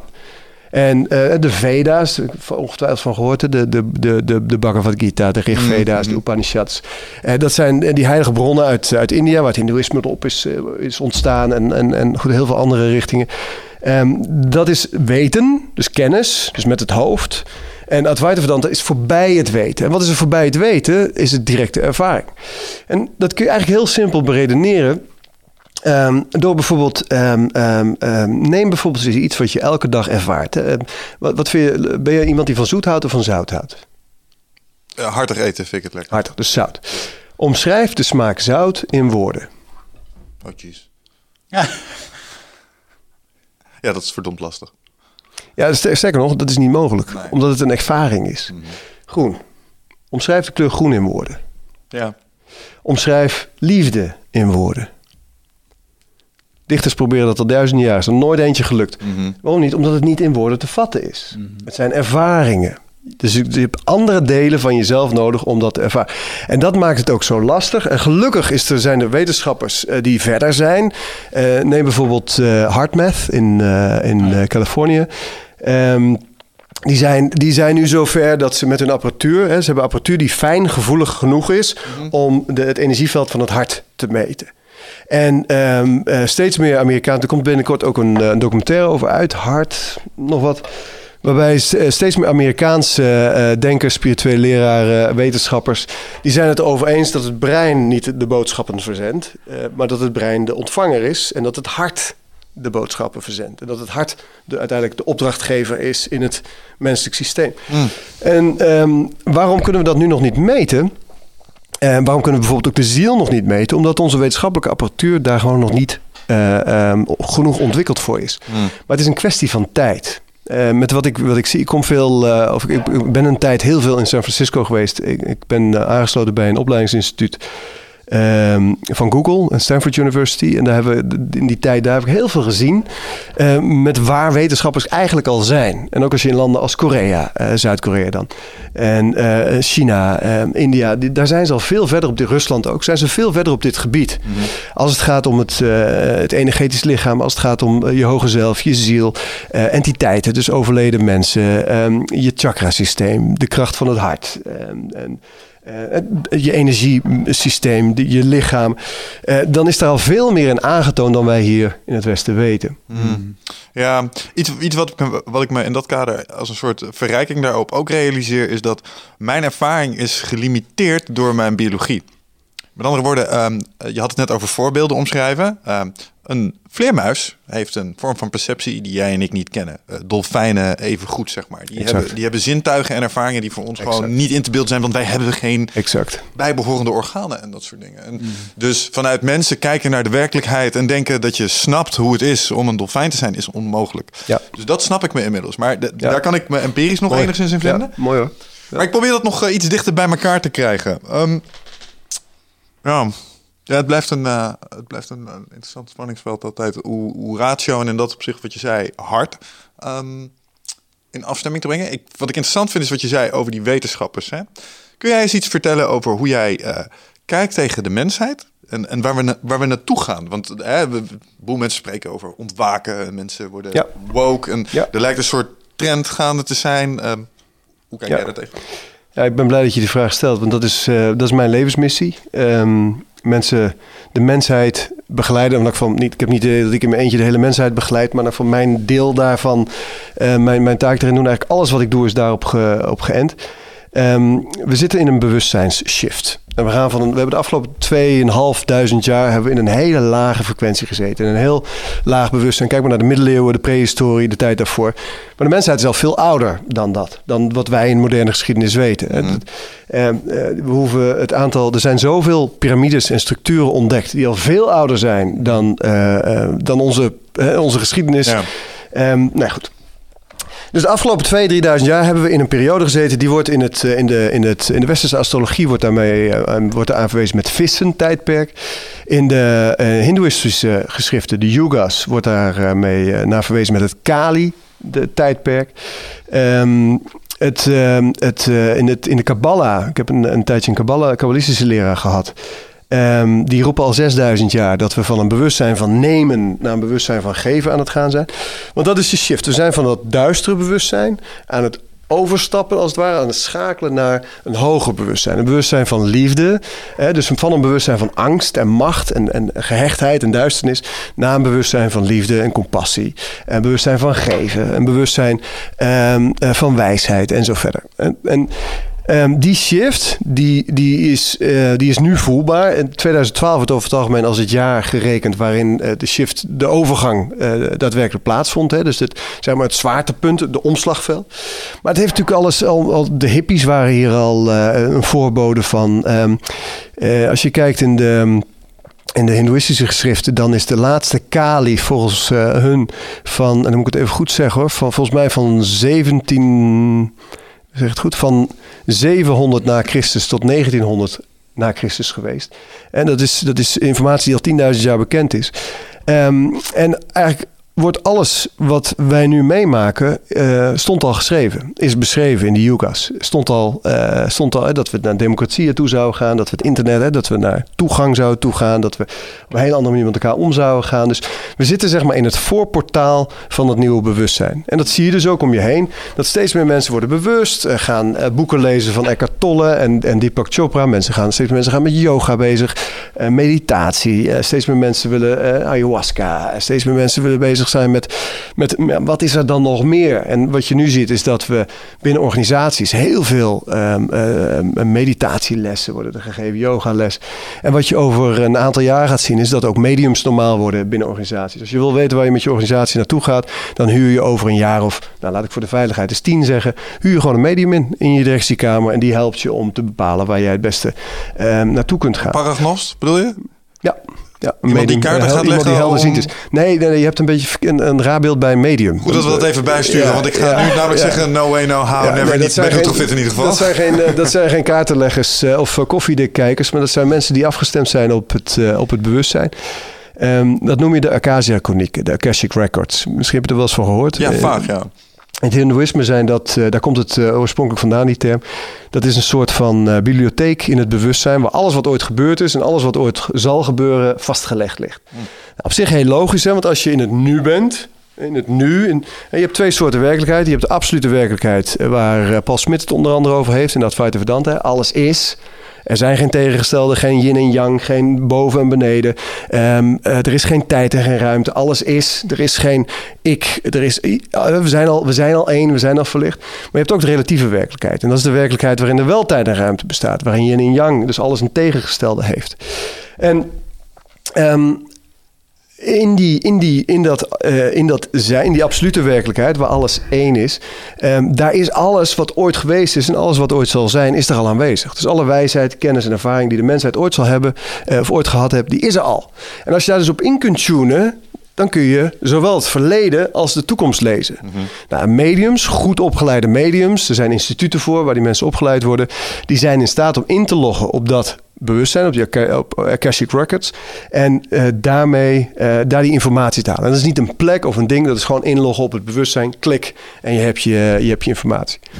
En dat bedoel ik met een medium. Hmm. Die, die trend, hè? En, en dit, dit Akashic Records, hoe spreek je dat? Akashic. Akashic Records. Um, is, is bijvoorbeeld die trend die je nu ziet, hè? Die, die van nemen naar geven, is dat een gevolg van een maatschappij die groeit in welvaart, uh, op zoek is naar zingeving? Of is het onderdeel van een groter plan, iets wat in de ster, als je astrologie gelooft, dan geloof je ook dat dingen in de ster geschreven staan, dat het een stukje voorbestemming is. Um, hoe kijk je daar tegenaan? Nou, ik denk niet dat je in, het, in termen van plan uh, moet denken. Dat is natuurlijk heel dat is een mentaal concept. Hè? Dat, dat zal er iemand zijn die een plan heeft bedacht. Maar het is een beetje hetzelfde als een, een hele langzame eb en vloed. Weet je, eb en vloed is, is gewoon een, een, een natuurlijk gegeven. Mhm. uh, onder invloed van de maan uh, maakt de zee een bepaalde beweging. Nou, en dat is met dit, dit ook zo. Dus uh, het bewustzijn van de mensheid maakt ook een... Het is een circulaire beweging, maar maakt ook een beweging. En we gaan van heel hoog bewustzijn naar heel laag bewustzijn. Dat zijn perioden van 20, 25.000 jaar... waarin we steeds weer terugkomen en weer omlaag gaan. En weer hoog en weer omlaag.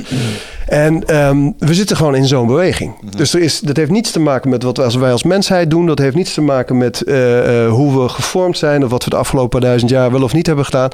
Uh, het is net zo natuurlijk als eb en vloed. Alleen het is zo'n grote beweging... en het is, ja, dat we het eigenlijk niet kunnen overzien. Mm -hmm. En het is, het is, ik ben daar, nou, zoals je merkt, ingedoken. Want er zijn zoveel profetieën, zoveel tradities... zoveel wijzen die dit al zoveel jaren roepen. En dat, dat gaat eh, dat gaat 10.000 10, uh, jaar terug of langer. Dat het eigenlijk gek is dat we dat negeren. We negeren alles wat er tot nu toe gebeurd is. En we zeggen eigenlijk sinds de afgelopen 150 jaar... ja, maar als wij het niet kunnen bewijzen... met de be beperkte en gebrekkige apparatuur die we hebben... als wij het niet kunnen bewijzen, ja, dan is het eigenlijk niet waar. Dan kan het niet. En um, dat, is, ja, dat, is, dat, is, dat is wat het is. Uh, en dat is, weet je, ik heb daar ook geen oordeel over. Maar dat maakt het voor ons zelfs wel, soms wel lastig om uh, mee te bewegen op dit soort concepten. Want wat je ziet zijn dat heel veel mensen vasthouden aan het oude bewustzijn. Dus heel veel mensen zitten nog in angst en in macht en in gehechtheid en lijden daaronder. Mm -hmm. Terwijl het al lang niet meer nodig is. Mm. I get that. En, en, ik, en ik snap dat. En dat kun je op uh, beide kijken op de wereld, zeg maar, als, als gevolg van uh, technologische ontwikkeling en economie. En dat, kun je dat verklaren. Misschien ook wel vanuit een, een soort spirituele ontwikkeling. En waar ik een beetje naar op toe ben, uh, naar, naar op zoek ben, is dan, stel het is een spirituele ontwikkeling en er is een grotere trend en een, een conjunctuur. Welk doel dient dat? Geen. Geen. It just is. Wat, welk doel dient, eb en vloed? Geen. Hmm. Het is een gevolg Het is wat van. het is. Ja, het is gewoon de natuur. Oké. Ja. De laatste kaarten zijn beschikbaar voor het Ride of Passage Retreat op 24, 25 en 26 mei.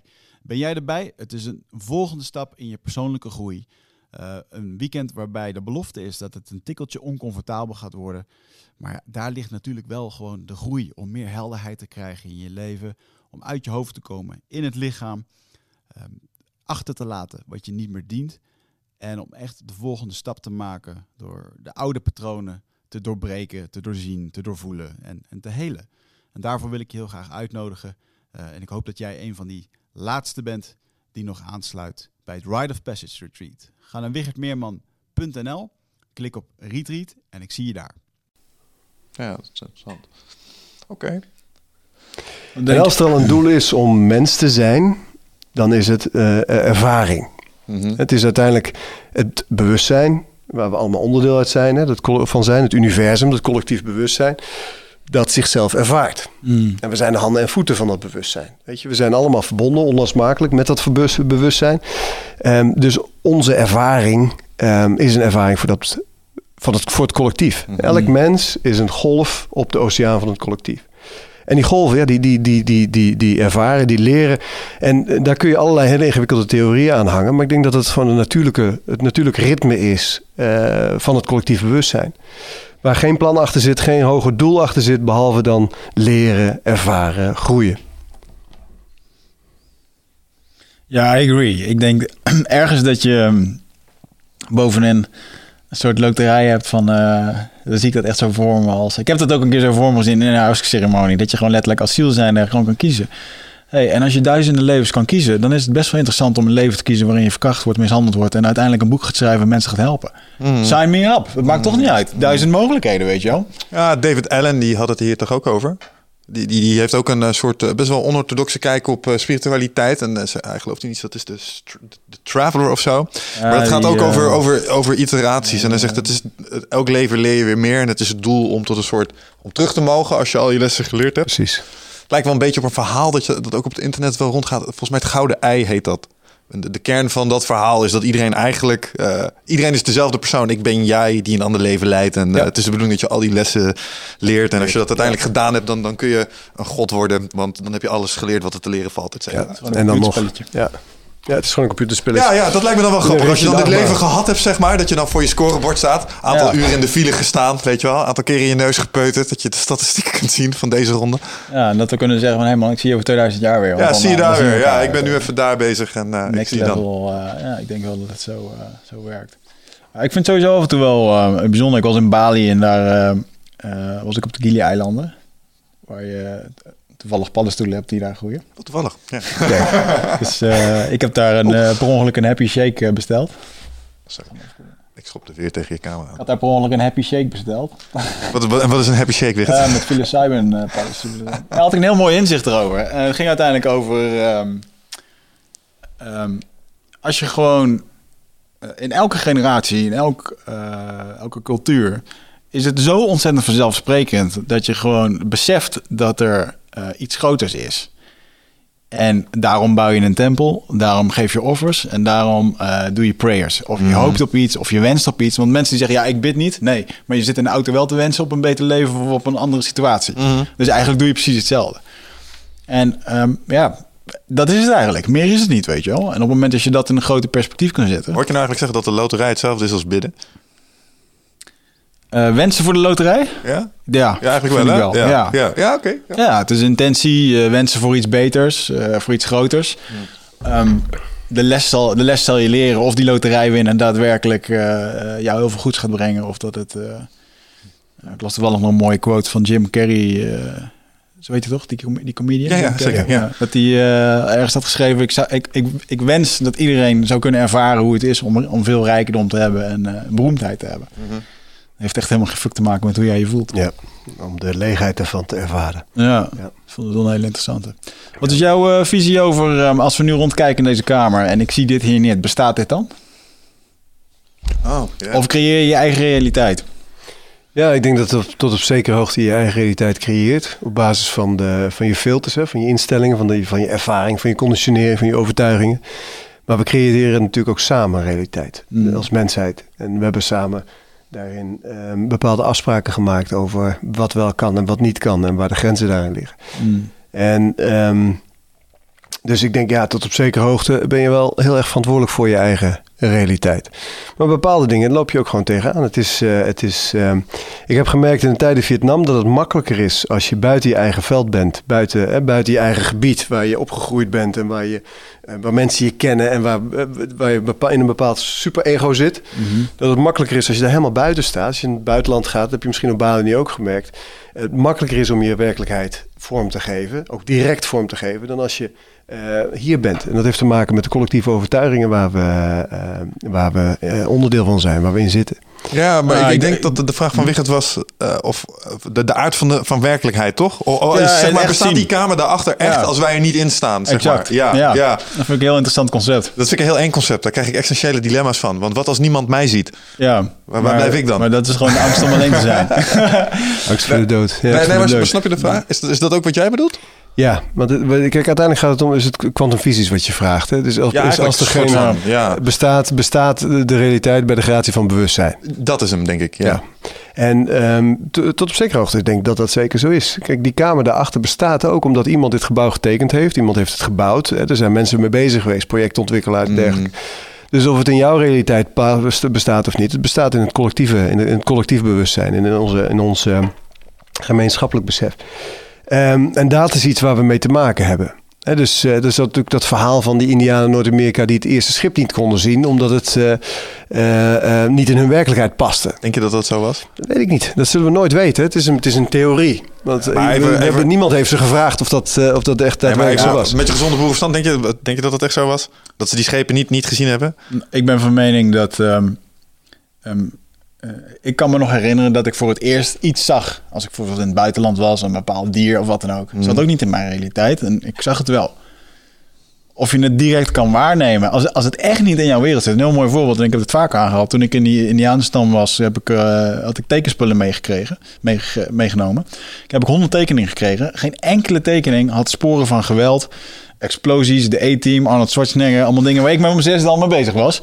Ehm, alleen maar, wat alleen maar plantjes, natuur, liefde. En, eh, en ook met die ayahuasca-ceremonie zoals het joh, eh, kindjes van zes. Ik wens iedereen licht, liefde en bescherming. En weet je, waar haal je het vandaan? Maar het is gewoon hun wereld. En de grote ogen die ik kreeg op het moment dat ik mijn iPhone eruit haalde en ik zat lekker een beetje, eh, of ik zat een foto van ze te maken, dan zaten ze echt zo naar te kijken. Het was een, het, het, Maar ze registreerden hem wel. ja, tuurlijk wel. En dus ik denk ook wel dat die boten gezien ehm, zijn. gezien zijn. En, maar dan moet je het zo zien, eh, en daar hebben wij het ook wel eens over gehad. Eh laatst was die shamaan bij mij en zijn zoon was ziek. En eh, zijn ding is dan, ja, hij heeft een, eh, wij zeggen, ja, wij hebben een longontsteking. Hij zegt gewoon, hij heeft dus een, eh, een bad spirit opgepakt van het bos.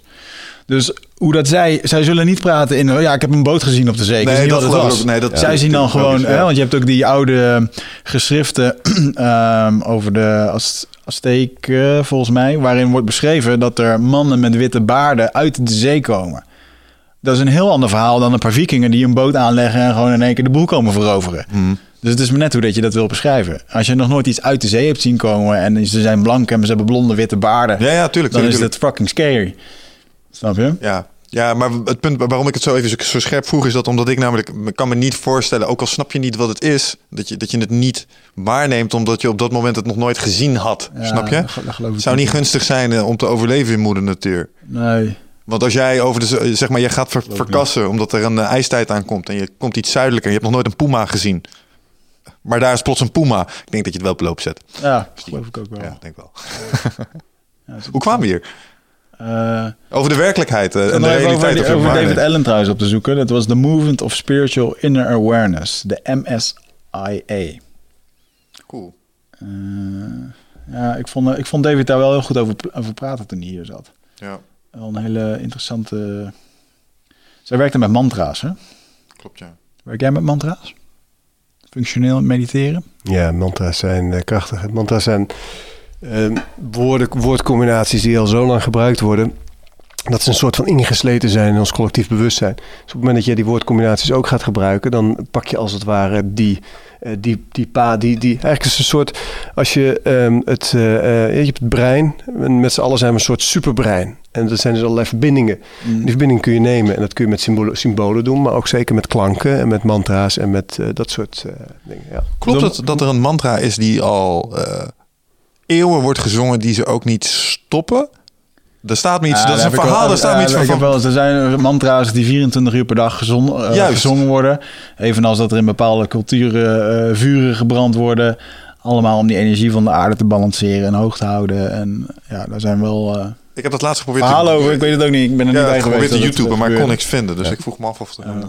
Maar ehm, dat vind ik een beetje hetzelfde verhaal van ja, waarom moet er bij elke ceremonie een altaar zijn? Zo'n altaar heeft ook een functie. Nee, want eh, eigenlijk vind ik het fascinerend wat hij zegt. Namelijk die woorden die in het onderbewustzijn van het menselijk collectief zitten... waarmee je dingen zeg maar, aan kan zetten of manipuleren. Ergens... I don't know, I like that idea. Kun je er iets meer over vertellen? Ja, je hebt heel veel verschillende soorten mantra's. een Je hebt ehm, eh, mantra's die bijvoorbeeld. ehm, ehm, de, de meest bekende eh, in, in Nederland zo langzamerhand is eh Om Burbuva Swahat Tatsavitu Varenam Bhagodi Vashadima Idioyonam Prachodayat. De Gyantra mant- mantra die, eh, die ehm, eh, mijn grote vriend Michael Pilacek ook regelmatig laat zingen door Tamara Puffer. Misschien Ja, heb je ja, dat wel. ja, eh, ja, wel bekend. Ja. Hele bekende mantra eh, met een heleboel, een heleboel lagen, een heleboel aspecten. Maar je hebt ook bijvoorbeeld in Tibetaans om, om, om ehm, Mani Padme Hum. Ehm, je hebt eh, ehm, eh, mantra's om, ehm, moet even denken die, die, eh, Ganesha uit het, in het Hindoeïsme heb je heel veel mantra's om bijvoorbeeld een bepaalde godheid aan te roepen. Om Gan Ganapatiye Hmm, hoe gaat ik weer? Om Gan Ganapatiye. Mano Maha, geloof ik. Maar dat weet ik niet meer zeker. Ehm, om een bepaalde godheid aan, dus een bepaalde energie aan te roepen. Dat kan Mhm. wijsheid zijn, dat kan overvloed zijn, dat kan eh, heling zijn, dat kan natuurlijk van alles zijn. En ehm, ja, dus je hebt, je hebt heel, veel, heel veel verschillende ehm, sleutels als het ware om bepaalde deurtjes mee te openen, Ja. om bepaalde verbindingen mee te openen en die energie naar je toe te halen. Ik heb een tijd een eh 21 Day Challenge gedaan eh, met mantra's. Toen deden ze ook die standaard eh, hmm. En eh, wat, wat me opviel is als je hem juist deed... en je deed je tong tegen je gehemelte, dat trilde door. Ja, nee, naar, je hoofd. En je wordt er een beetje licht van in je hoofd. En een, Ja. beetje, ja, een beetje high zou je kunnen zeggen Ja. bijna. En eh, we hebben hier ook iemand gehad die zei iets over eh, klankschalen. En dat dat ook bepaalde dingen aan en uit kan zetten in je, in je hersenen. Ehm, zit, er, zit er ook zo'n aspect gewoon in die mantra's? Ja, natuurlijk. Als je een mantra blijft herhalen. Eh, mantra zingen bijvoorbeeld, hè, dus mantra op bepaalde muziek. ehm, steeds die mantra blijft herhalen, blijft herhalen, dan kom je op een gegeven moment in een trance. En als je het blijft herhalen, dan eh, kom je in een verhoogde staat van bewustzijn. Wat uiteindelijk ook de functie van een mantra is. hè. Ja. Een mantra gebruik je ook voor meditatie. Dus door een mantra te blijven herhalen, verhoogt je staat van bewustzijn. En kun je een hele heldere, eh, hele heldere meditatiebeoefening. Dus eh, ja, Ja. Ja, ik vind dat interessant. En, en en wat ik ook daar straks nog had, want jij, je bent natuurlijk eh, je spirituele reis eh, begonnen middels meditatie. Eh, je hebt heel veel meditaties gedaan. Je gaf daar net al aan eh, meta-analyses, had je het over. Als je naar de meditatie kijkt en je zou over al die stijlen heen kijken, net zoals dat je naar vechtsport over alle stijlen heen kan kijken. Wat zijn dan de basiskenmerken die je daaruit kunt distilleren? Dit is waarom meditatie werkt, zeg maar. Ja, aandacht. Hè? Het is aandachtstraining. Kijk, of je nou mediteert ehm, met eh concentratiemeditatie, één object, een, een kaars bijvoorbeeld, hè, een vlam, of je ademhaling. Of dat je eh, a- open aandachtsmeditatie doet, bijvoorbeeld een, ehm ehm, een vipassana meditatie of eh, andere vormen waarbij je alles wat op dit moment is, eh, hè, kijk naar gedachten, emoties eh, en, en weer steeds weer terug gaat naar je ademhaling. Gaat het goed met dat? Ja, nee, we gaan die verwarming zet, even zet, eh, zet een eh, ventilatortje onder, de onderste knop. Dus als je die even om kan zetten, dan... eh, Het is hier een beetje- klein beetje koud in de studio. We dachten, we zetten even de verwarming aan, maar dat is een slecht idee. Ja, dus als je, weet je, dus, de dus of je nou concentratiemeditatie Ja. ehm, eh, toepast of eh, open aandachtsmeditatie, of je doet bijvoorbeeld mantra-meditatie, Ja. dus het halen van een bepaalde mantra, eh, Soham of andere mantra's. Ehm, eh, uiteindelijk komt het op hetzelfde neer. Je, je leert je aandacht focussen. Je ziet toegenomen, toegenomen aandacht in de prefrontale cortex, hiervoor in het hoofd. En eh, de prefrontale cortex, eh, je concentratievermogen neemt daarin toe, maar ook je emotionele regulatie. En Hoe meer activiteit je prefrontale cortex heeft, dus je, achter je voorhoofd zeg maar, ehm, hoe beter de regulatie is van je limbisch systeem. Er zit een, een, een, je limbisch systeem zit tussen je oren, zeg maar. Dus dat is je emotioneel brein, ehm, je, je geheugen. Nee, goed. Ehm, die, eh, die prefrontale cortex, wat je eigenlijk in alle onderzoeken ziet, bij meditatie, is dat, dat doordat die activiteit daar toeneemt, mensen eh, veel beter hun eh, stress kunnen reguleren, of verlangens, of impulsen. Ehm nou ja, goed, noem het eigenlijk maar op. En ehm, Eventjes als voorbeeld, wat is dan een niet ontwikkelde prefrontale cortex? Als je bijvoorbeeld alcohol drinkt, dan schakel je als het ware je, je bewuste denken uit. hè. Dus je prefrontale cortex, de activiteit daarvan. Mhm. Als je een kind, eh, tot zes jaar, is er nog weinig activiteit in die prefrontale cortex. Dus heel actief, heel, heel impulsief, eh, heel erg in het nu. Ehm, eh, iemand die in een stresssituatie, posttraumatische stressstoornis. ik heb ook met oorlogsveteranen gewerkt. Dan zie je dat ook. Dat die mensen weinig activiteit daar hebben. Die zijn heel impulsief, kunnen heel snel boos worden. Maar mensen die dementeren ook. Hè, weinig activiteit in prefrontale cortex. Dus die kunnen ook vechten, vluchten, heel, heel erg angstig worden. Of heel, heel erg boos worden als je ze op een bepaalde manier benadert. Het klinkt bijna alsof je dat limbisch brein moet afleiden met iets. Nou, reguleren. Ja. Reguleren. Een, een, een, een limbisch brein zonder regulatie gaat echt alle kanten op als Ja. een kind. Ja, en op zich is daar niks mis mee. Het is, het is, eh, maar als je je wil eh, eh, handhaven in onze, in onze samenleving, dan is het wel handig om die hogere cognitieve vaardigheden wat verder te ontwikkelen. Ja, ik vind die vergelijking met als een kind vind ik op zich wel een mooie. Soms heb ik nog wel eens het gevoel dat er een vierjarige in mijn hoofd meewoont. En die wil van alles en die wil dingen niet en zo. Ja. Soms wil die ook gewoon het liefst nog in het gangpad gaan liggen spartelen. Ja. Ja. En die mag er ook zijn. Hè? Het is ook belangrijk dat je die vierjarige ehm, eh, laat zijn en op bepaalde momenten juist de ruimte geeft. Ja, dank je. Dat je die juiste ruimte geeft om, eh, om ook te zijn en te leven. En wat is een belangrijk deel van jou. Maar op andere momenten is het weer heel handig dat dat niet gebeurt. Hè? Met name, kijk, waarom doen we wat we doen? En waarom doen we ook vaak dingen die we eigenlijk niet zouden willen doen? Dat heeft natuurlijk heel veel te maken met, eh, eh, met dat deel van ons brein. Ons limbisch systeem is pijnvermijdend en genotzoekend. Het is een overlevingsmechanisme. Hè? Van oudsher, pijn kan de dood betekenen. En genot kan een voortplantingskans of, of een, een, iets lekkers te eten betekenen. En zo, eh, ja goed. En ehm, dus dat, dat overlevingsmechanisme is heel primitief. En dat reageert ook heel primitief. En oh, wij mensen zijn minder primitief. We leven in een enorm sociale complexe eh, samen, samenlevingen. Um, dan is het heel handig als je die uh, primitiviteit een klein beetje ja, kunt, kunt kanaliseren, kunt reguleren. Ja. Is dat iets waar je, waar je een. Um, ik denk dat het antwoord ja is, maar. Hoe reguleer. Uh, mijn vraag zou zijn: is dat iets wat je kan reguleren of word je eigenlijk niet gewoon geleefd door je biologie? je ziet wel eens dat uh, we hebben allemaal een soort ja, inner primate en die reageert op omgevingen. En ik denk dat het gedeelte van de hersenen waar je het net over had, is ook verantwoordelijk voor een heleboel stress die mensen bijvoorbeeld in een niet gevaarlijke omgeving ervaren. Het is een overlevingsmechanisme, maar het hijjackt je ongelooflijk. Want een ja. deadline is fysiek niet gevaarlijk, maar kan je toch een heleboel stress bezorgen. Um, wat zijn de methodes die jij hebt ontdekt om dat beter het hoofd te bieden naast meditatie? Naast meditatie. Nou, meditatie is wel de, is voor dit deel, zeg, want het gaat over zelfbewustzijn, eh, zelfregulatie, uh, dus zelfmanagement, uh, emotioneel, emotionele regulatie en dergelijke. Um, daar is meditatie wel een van de topmanieren voor. Maar yoga is daar ook een. een yoga heeft vergelijkbare effecten als, als meditatie. Ja. Um, um, en ja, eigenlijk, er zijn veel spirituele beoefeningen die je kunt doen die een vergelijkbaar effect hebben. Maar er zijn er weinig die het zo uh, rechtstreeks kunnen als mediteren. En er zijn er ook weinig waar zoveel wetenschappelijk onderzoek naar is gedaan als naar meditatie. Mm -hmm. En um, uh, dus voor dat deel, hè, ik, heb, ik beoefen zelf verschillende methoden en manieren. Maar voor dit deel, dus mijn emotionele regulatie, um, um, mijn pijnvermijdend en genotzoekend gedrag, mijn comfortzone, mijn, mijn reptielbrein, um, uh, flexibiliteit en veerkracht. Ja, voor dat deel beoefen ik meditatie. En heb ik ook gemerkt dat met name verpassen naar meditatie uh, daar ongelooflijk positieve invloed op heeft. Mm. Voor andere mensen werkt uh, iets als mindfulness weer uh, beter. Voor andere mensen die, uh, die wat bewegelijker zijn, werkt yoga misschien. En ik, ik beoefen zelf ook yoga. maar kan yoga een hele mooie weg zijn. Er zijn ademhalingstechnieken die, het, die een vergelijkbaar resultaat hebben.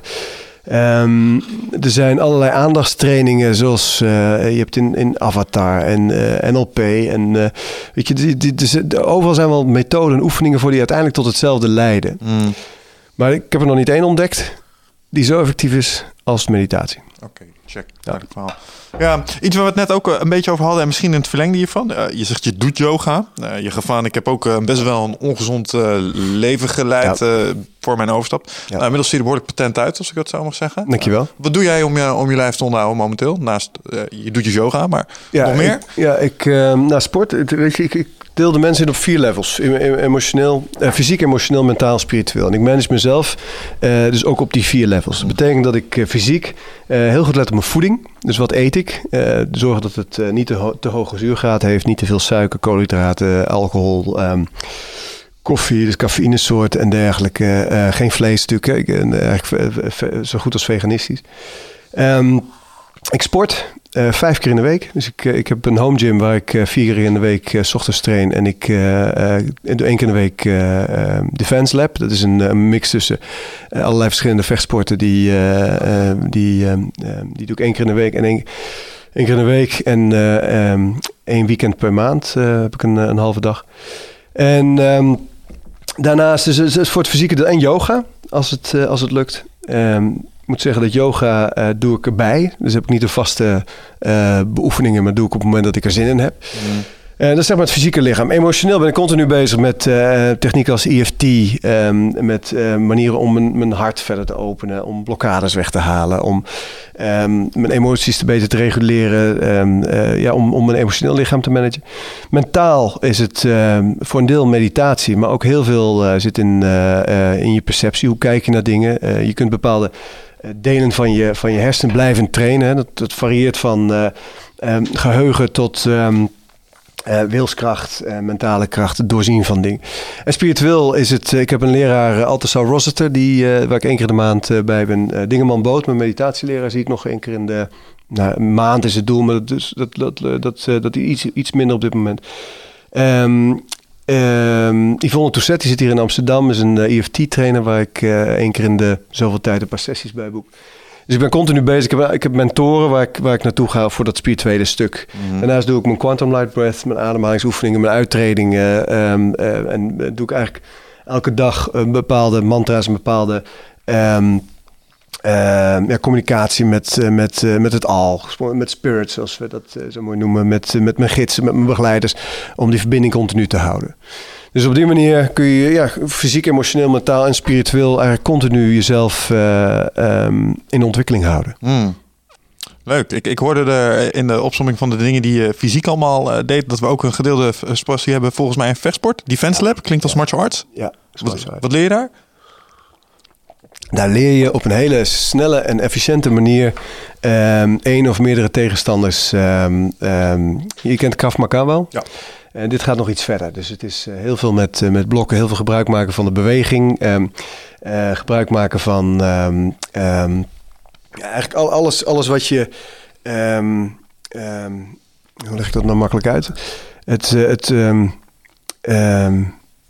met name korte bewegingen. Je, je, zit bijvoorbeeld, je wordt ingesloten door een groep. Hoe zorg je er dan voor dat je jezelf, eh, dat, je, dat je terwijl je slaat, jezelf en, en jezelf verdedigt, geblokkeerd blijkt? Hoe gebruik je andere mensen om, uit, om ergens uit te komen?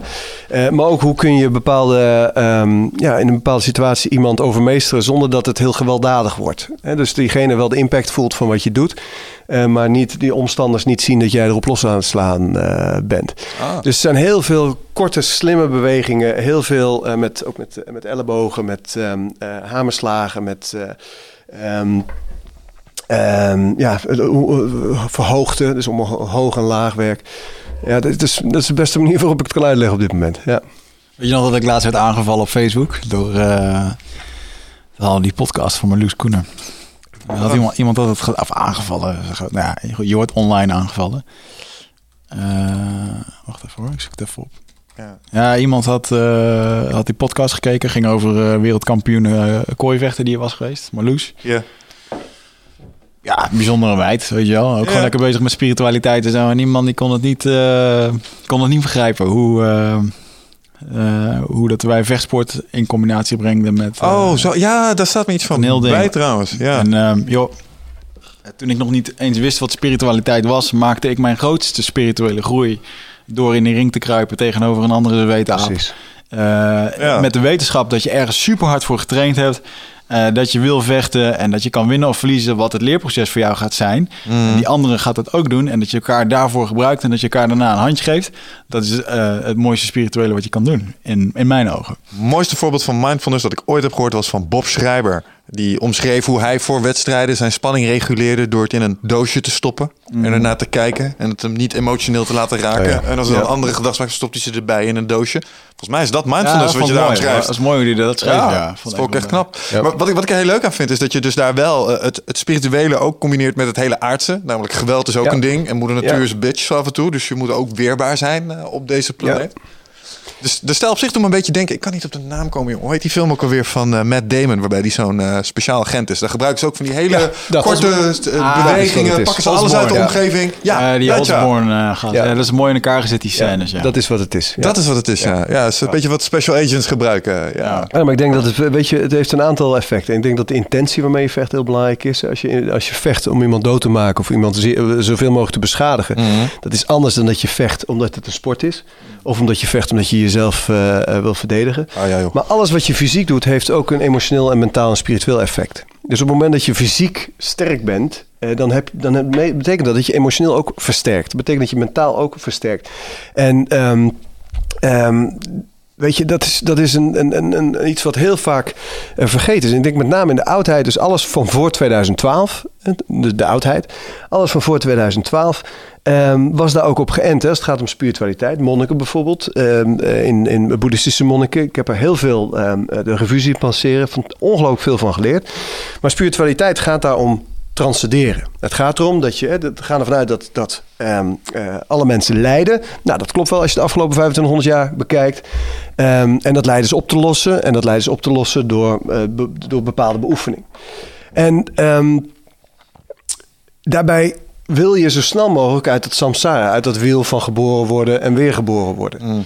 Eh, tegenwoordig gaat het daar niet meer om. ten eerste is het lijden niet meer zo intensief als het was. Hè? Niet alle mensen lijden meer. Ik bedoel, ik weet niet hoe het met jou zit, maar... Nou, ik heb eh, in mijn vakantie het boek eh, Homo Deus gelezen. Oh ja, Hij schrijft over waar we naartoe gaan met de mensheid. Mm. En hij heeft ook die andere geschreven, Homo sapiens, waar we Sapiens, vandaan ja. komen.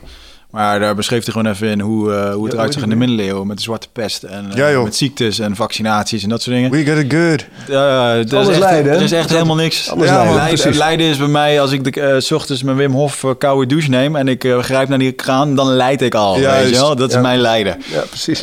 ja, dat is lijden. Ik zal niet zeggen dat er geen mensen meer lijden, maar eh, lijden is niet meer nodig in deze, in deze tijd. En even, even zeker in, hier in het, eh, in, het, in het land waar wij in, eh, in wonen. Ehm, als je dan kijkt naar wat, wat spiritualiteit nu is, is, gaat het niet meer zozeer om transcenderen, dus zo snel mogelijk een way out vinden om nooit meer terug te komen, maar het gaat om transformeren. Hoe zorg je er nou voor dat je spiritualiteit in alle aspecten van je leven kunt integreren? Hè, dus, dus fysiek, emotioneel, mentaal, maar ook in je werk, eh, in je relatie, in je relaties met anderen, in je sociale leven, in je opvoeding van je kinderen, in je voeding, in alles wat je doet. En eh, dat zijn allemaal levensgebieden, ehm, eh, zelfs in je, in je, in je geld, hè, in, je, in je financiële stroming, in je persoonlijke ontwikkeling. Hoe zorg je er nou dat je die, die transformatieslag maakt? Dat is de vraag van deze tijd. En dat is waar het uiteindelijk om gaat. En dat is ook waar we als mensheid naartoe onderweg zijn. Dat we steeds bewuster worden. En- En dat hoeft dan. eh, En uiteindelijk zullen we spiritueel worden, maar dat is nog een, een kwestie van tijd. Maar dat we steeds bewuster worden en steeds bewuster met onszelf omgaan, met de aarde omgaan. En we beseffen nu dat het allemaal niet kan eh, wat we doen. En dat we daar op een andere manier mee bezig moeten gaan. Als het gaat om uitstoot en dergelijke. Eh, om het milieu. Ehm, dat we bewuster worden van voeding. Eh, zelfs de McDonald's een, een, een McVegan heeft eh, tegenwoordig, een saladebuffet en dergelijke. Ehm, dat we bewuster worden van. Nou goed, noem het maar op. En ehm, ik denk dat dat de beweging is die we, die we maken. Dus ik schuw daarin ook niets. Weet je, ik, ben, eh, ik heb heel veel bij boeddhistische monniken in de leer. eh, ben heel veel bij boeddhistische monniken in de leer geweest. Ik ben bij allerlei energiegenezers. anderhalf jaar bij een energie- energiegenezer in Thailand. Acht jaar bij een, bij een shamaan hier in, in Nederland. Ehm, maar ik ben ook ridder in de orde der Tempeliers bijvoorbeeld. Dat is een hele christelijke eh, ridderorde die uit de, uit de kruistochtentijd eh, komt. eh, die een eigen mystiek heeft. Dus ik, er is niets waar ik dit- oh, dit vind ik even is dit echt ontzettend cool. Is, die metselaar, is dit die metselaars? Dat zijn de vrijmetselarijs. Dit zijn de Tempeliers. Dat, is, wel raak jullie beschermen de laatste bloedlijn van Jezus Christus.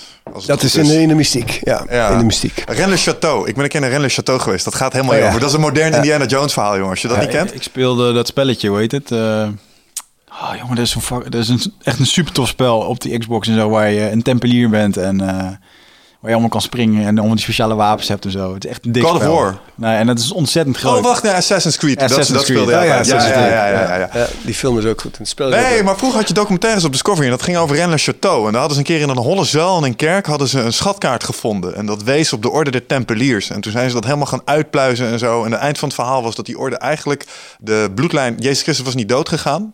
Die zou nog overleven. Hij heeft nu nog nazaten en zij beschermen die bloedlijn. Ah. Dat is het geheim. Dus jij hoort bij die orde. Ja. Am I spot on of eh, zit ik helemaal... Ik kan er niks over Dat zeggen. dacht ik al. ja, leuk. Oh, Dat, cool. dat, dat is, je, kan, je mag er niks over zeggen. Dat is echt een besloten eh, party. eh. Ja, maar het is ook een beetje een grapje. Nee, er, er wordt, er wordt eh, ehm, op die manier niet heel bewust... in elk geval waar, daar zijn we niet heel bewust mee, eh, mee bezig. Als dat wel zo zou zijn, dan zou ik er inderdaad niks over mogen zeggen. Nee, daar word je voor gevraagd. Oké. Daar word je voor gevraagd. En ik werd gevraagd en ehm, eh, eh, dan word je eh, beoordeeld en goedgekeurd. En dan word je uiteindelijk tot, uh, ben je eerst postulant en dan moet je een tijdje meelopen. En dan word je met een zwaard in een kerk tot, eh, tot ridder geslagen. Dus ik heb ook zo'n cape met een rood kruis erop. Mijn, mijn vrouw Monique die noemt dat mijn Harry Potter cape. Ja. Die vindt het allemaal maar... eh, Is het ook als je sowieso. komt overlijden dat er een paar van die gasten bij je begrafenis staan in die outfit? Dat heb ik namelijk ook wel eens gehoord. Die kant zit erin, ja. Ja. ja. Wauw. Ja. En mijn zoontjes vinden het allemaal heel Dat je spannend. zoontjes dan denken van, wat de fuck deed papa? Ja, maar papa was dus ridder. Maar het, het, het, weet je, en, en daar wou ik ook een beetje naartoe. En daarom vond ik dat vechtsportaspect ook zo interessant. Kijk, heel vaak is, eh, zijn, eh, eh, wordt spiritualiteit ook geassocieerd met pacifisme. Of eh, de andere wang toekeren. Terwijl ik geloof dat agressie en geweld soms een volledig geldige oplossingsrichting zijn. We zeggen wel eens voor de grap, als geweld niet de oplossing was, gebruikt hij gewoon niet genoeg. Of weet je wel, geweld is de vraag en het antwoord is ja. Ehm, dus zo af en toe is het best oké om je tanden te laten zien. En dat aspect zie ik daar wel een klein beetje in terug. Ja, hoe, kijk jij daarnaar? Ja, dat is een mooi verhaal van een, eh, van een vrouw die zit in een ashram. En eh, haar leraar leert haar inderdaad eh, vreedzaam te zijn, compassievol, wijsheid. En op gegeven moment loopt ze naar buiten en ehm, er komt een, eh, een, een, een mannetje naar haar toe. En die blijft haar maar uh, harassen. Die blijft maar aan, aan de trek. En op een gegeven moment is ze zo flauw van, ze pakt ze de paraplu, geeft ze die man een map om hem weg te sturen. En op hetzelfde moment ziet ze dat die leraar daar staat. En ik, oh fuck, weet je, nu ben ik door de mand gevallen. En ze, loopt naar die leraar toe en zegt: Oh, ja, ja ik, kon niet anders dan hem slaan. Nou, zegt die leraar: Je had hem eigenlijk veel harder moeten slaan. Weet je, het is, het is natuurlijk, je leeft gewoon in een 3D-realiteit. En uh, daar mag je je mannetje of je vrouwtje in staan. Het pacifisme is iets wat op grotere schaal geldt. Weet je, als je um, um, oorlogen, misbruik. Uh, mensenhandel, de, de bio-industrie, de manier waarop we dieren omgaan. op het moment dat het vanuit macht is en vanuit angst is, dan is geweld een heel naar negatief iets. Mm. Maar op het moment dat het geweld um, is omdat je um, uh, aangevallen wordt en je wil jezelf kunnen verdedigen, dan is dat een heel ander verhaal. Ja. Het gaat om de intentie die erachter zit. Ja, je moet altijd heel goed bedenken dat uh, iemand die jou aanvalt uh, um, ook in een moment van verstrooidheid zit omdat hij dat doet. Heeft helemaal niks met jou te maken. En het is aan jou om diegene een pets te geven en om niet door te draaien en die man dood te slaan. Mhm. Mm -hmm. Dat is jouw verantwoording. Mm -hmm. Ja, oké, okay, check. Ja. Ja, maar ik heb het, en dit is natuurlijk in de, in de meest fysieke zin, uh, maar ik heb ook wel eens uh, in zakelijke zin uh, soms het idee dat, nou, dan moet je agressie niet met assertiviteit verwarren, maar soms kan het geen kwaad om iets meer tegen je concurrenten aan te schuren en niet voor ze weg te lopen. Of, oh, ik doe je mee in een offerte-traject, maar ik weet dat die en die ook meedoen. Oh jee, weet je wel, dan is het plots competitie. En, en dan mag er, mag er ook wel een bepaalde vorm van, oh, maar dat zullen we nog eens even zien dan. En we gaan juist hier binnenstappen. Ik, ik, snap ik vind dit zo mooi, hoor. ik zie jou dit gewoon dagelijks doen. Jij bent best wel aan het strijden zo in het dagelijks leven. Ja, maar ik denk dat het, dat, het, dat het ook... Maar dat is wat zeg maar, de menselijke beschaving al jaren voortstuurt. Of kijk jij er tegenaan? Nou, um, een, beetje, een beetje competitie is, is, is niet erg, is leuk. Um, zijn we ook heel erg mee opgevoed natuurlijk met competitie. Uh, tegenwoordig worden, worden kinderen gelukkig iets minder, uh, tenminste dat is, uh, er zijn nu steeds meer onderwijsvormen waarbij dat minder wordt. omdat het, het, is, het voedt wel een beetje de illusie van afgescheidenheid. Op het moment dat je je afzet tegen iemand beter wil zijn dan een ander. Er zijn winnaars, er zijn verliezers. En tegelijkertijd denk ik dat als het gezonde competitie is en je binnen een organisatie werkt en je wil een bepaalde opdracht graag uh, binnenhalen, dat daar. Uh, dat dat helemaal oké okay is. Mm. Alleen op het moment dat je, je je concurrent wil vernietigen en het bloed kan drinken van je concurrent, dan wordt het, kom je wel een beetje weer aan het oude bewustzijn. Mm -hmm. En ik denk dat met name ook binnen het bedrijfsleven, wij doen vrij veel in het bedrijfsleven. Um, um, vanuit uh, Bridgman uh, in Business. Dus wij geven allerlei trainingen bij... Uh, vanochtend was dat ik bij RTL, RTL Nederland, bij bij NOS, bij SAP, softwarebedrijf... Um, bij ministeries, bij... nou, je komt uit IT, Ordina, mm. KLM, allerlei clubs.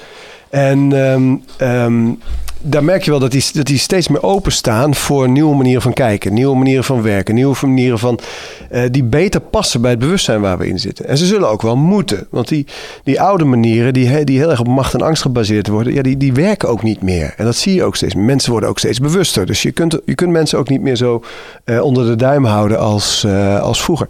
En dan zie, je ziet dan langzaam maar zeker een kentering ontstaan. Um, waarbij er steeds meer vraag komt, uh, joh, hoe, hoe, doen we dit? Uh, Ricardo Semler noemt het de Age of Wisdom, mm -hmm. het nieuwe bewustzijn. Hoe zorgen we er nou voor dat we in die, in die Age of Wisdom, uh, dat we ons daar handhaven als, als organisatie? Nou, ik denk dat dat een, een, een heel interessant thema is. Ja. Ja, en als je dan uh, binnen die organisaties uh, met mensen aan de slag gaat uh, en je kijkt naar waar deelnemers aan je, aan je trainingen en workshops um, mee worstelen, um, wat valt je dan op? Want ik vind het interessant, jij bent, je doet dit over 26 landen, dit kunstje. En er zijn, als je dan weer naar meta gaat, volgens wel patronen te herkennen in wat we overeenkomstig hebben. En wat misschien wel internationaal ja, wat ik, verschillen in ja, zitten. Maar... Ik, heb, ik heb gewerkt met mensen uit 26 landen, ja. inderdaad. En uiteindelijk is conditionering conditionering. Dus ieder mens is de het mechanisme, de computer, die werkt hetzelfde. Het ziet er anders uit, maar het binnenwerk werkt hetzelfde en is anders geprogrammeerd. Mm -hmm. Dus uh, iemand uit Japan heeft een andere programmering dan iemand uit, uh, uit uh, Nederland. Dat is, dat, is ook, dat is ook logisch. Maar in basis werkt dat brein hetzelfde. Vechten, vluchten, comfortzone, reptielbrein, uh, je hoge je cognitieve vaardigheden, je uh, empathie. Uh, het is, het is allemaal, alles zit ongeveer op dezelfde gebieden. Mannen, vrouwen, um, um, etnische achtergronden en dergelijke, maakt niet zo heel veel uit. En dat is wel heel interessant. Dus uiteindelijk zitten we allemaal met dezelfde problemen. We zijn allemaal bezig met zelfbewust te worden. We zijn allemaal bezig, allemaal bezig met wat wil ik nou eigenlijk? Wat wil ik met mijn leven? Wat wil ik met mijn werk? Waar wil ik naartoe? We zijn allemaal bezig met hoe zorg ik er nou voor dat ik niet zo boos op mijn kinderen ben? Dat ik niet zo reageer op mijn partner als, eh, als hij of zij dat of dat zegt. Hoe zorg ik er nou voor dat ik niet zo bang ben voor mijn baas of voor die ene collega? Hoe zorg ik er nou voor dat ik, eh, als ik voor die groep sta of in die presentatie zit, dat ik ontspannen blijf? Dat ik... Dus uiteindelijk komen we allemaal op hetzelfde terecht. En mensen gaan natuurlijk steeds verder in. Hè. Daarom, ehm, ehm, eh, ik, ik schuw, ik heb natuurlijk nou, een tijdje de afgelopen negen jaar ehm, eh, spiritualiteit heel erg afgeschermd. Hè. Dus het woord niet gebruikt. En eh, om, omdat mensen dat nog een beetje eng, eng vonden en daar voorzichtig in waren. Maar we merken nu dat het niet meer nodig is. Dat je het kon- gewoon kunt zeggen. Dat je Ja. het in trainingen kunt aangeven. Dat je mensen. hè, We hebben nu een nieuwe online cursus waar we het woord spiritualiteit gewoon in gebruiken. En ik ben ook een, een, een, een, een voor spiritueel leven. Spiritueel leven, laat ons allemaal maar spiritueel leven. Want op het moment dat we spiritueel leven, ehm, zorgen we goed voor onszelf, zorgen we goed voor elkaar, zorgen we goed voor de planeet. Ja. Eh, en daar willen we met elkaar, met elkaar naartoe. Om die, in die bewustzijnsshift waar we het net over hadden. We willen zoveel mogelijk mensen meekrijgen. Ehm, omdat het tien voor twaalf is, maar daar kunnen we het, eh, kunnen we het later nog wel eventjes eh, over hebben.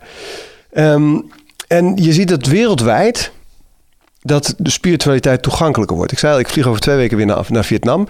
Daar kan ik het tegenwoordig ook gebruiken, het woord. Ehm, onlangs waren we in Australië, daar kan ik het ook gebruiken. Eh, Ja. Ik gaf een tijdje geleden les in Singapore, kan ik gewoon, kan ik gewoon over spiritualiteit praten. Als je in Noord-Amerika bent, gaat het helemaal prima. En bepaalde landen zijn, gewoon, zijn al verder zelfs dan wij zijn. Hè? Bijvoorbeeld, neem bijvoorbeeld Australië. Daar, de, bepaalde delen van Australië zijn zelfs stukken verder op dit gebied dan wij zijn. Ja. Dat is al veel normaler. En eh, dat is wat ik zie. Dus twee dingen. Het brein is hetzelfde. De, de, de, de, computer is hetzelfde.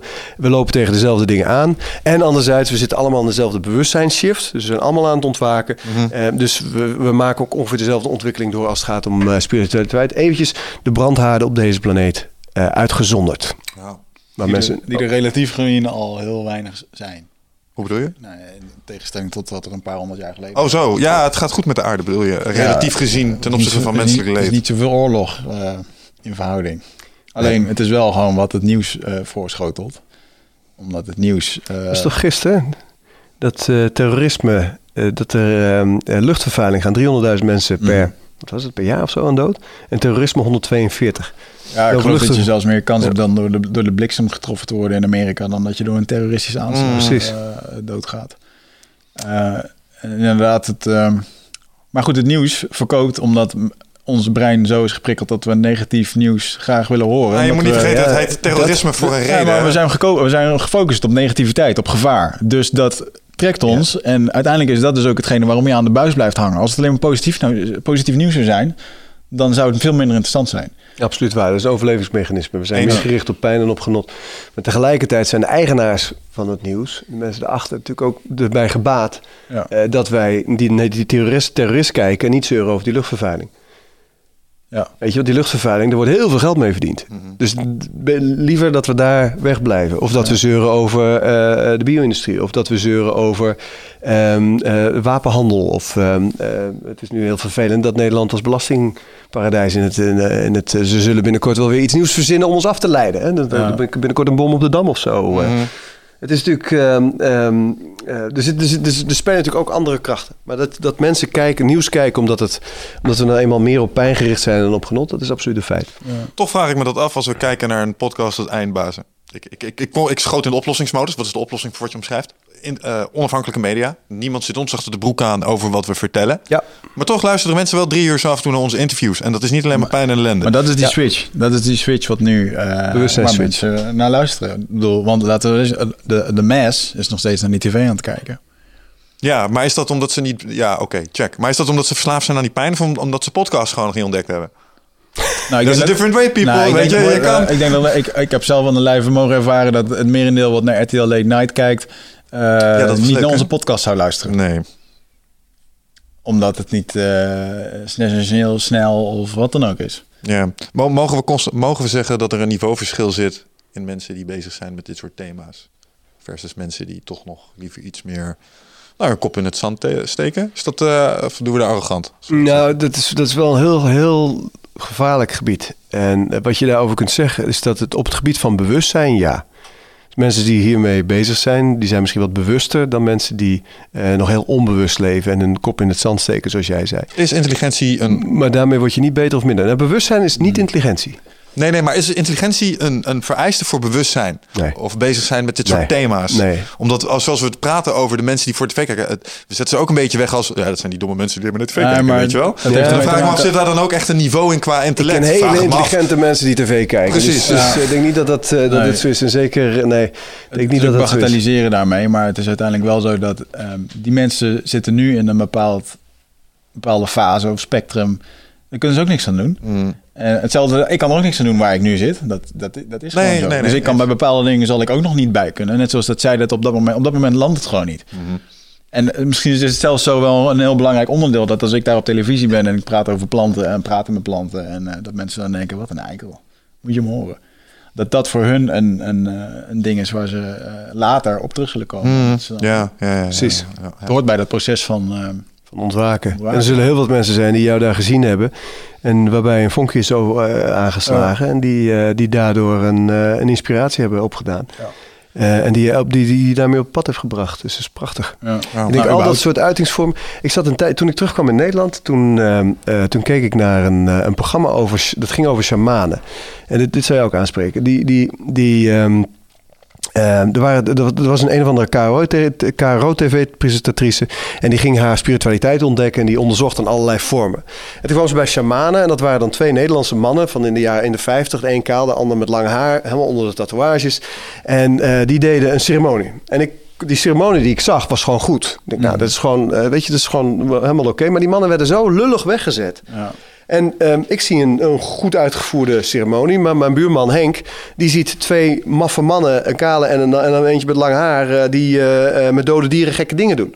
Weet je, en de manier waarop het gefilmd wordt, ook mijn leraar Dingeman Boot is ook wel eens, eh, meditatieleraar, is ook wel eens gefilmd. Nou, dat ziet er niet uit, joh, hoe die dan in beeld gebracht worden. We hebben een keer een wisdom gathering gehad eh, in, in, ehm, eh, in de buurt van Zwolle, waarbij we leraren van over de hele wereld, shamanen, Tibetaanse lama's, eh, Indiaanse leraren, goeroes, bij elkaar gezet hebben. Dat waren bijna twintig leraren die daar in een cirkel zaten. En er zaten 150 mensen omheen. En eh, toen kwam RTV Oost die, en die filmde dat echt alsof er een stelletje kneuzen eh, met, in een cirkeltje op een veldje zaten te, te, te, te, breien, weet je wel. Het, is, het wordt heel erg in beeld gebracht. Dus toen ik dat zag, dacht ik, ja fuck, het wordt tijd dat er mensen opstaan die gewoon in het leven staan, die er eh, tussen aanhalingstekens goed uitzien en die gewoon lef hebben om te gaan staan voor wat ze, wat ze voelen en wat ze zien. Dat zie ik bij jou, dat zie ik bij jou ook. Ehm, dat, dat, dat wil ik, daar, daar wil ik zelf ook voor staan. En dat je, weet je, dat je daar gaat zitten bij zo'n eh, RTL Late Night. En dat je gewoon je verhaal doet. En dat je eigenlijk heb, heb je daar niet. eh, eh, je hebt niks verpakt. Je hebt het gewoon verteld zoals jij het ervaren hebt. Dat is fantastisch. Dat hebben we nodig. En daar hebben we nog veel en veel meer van nodig.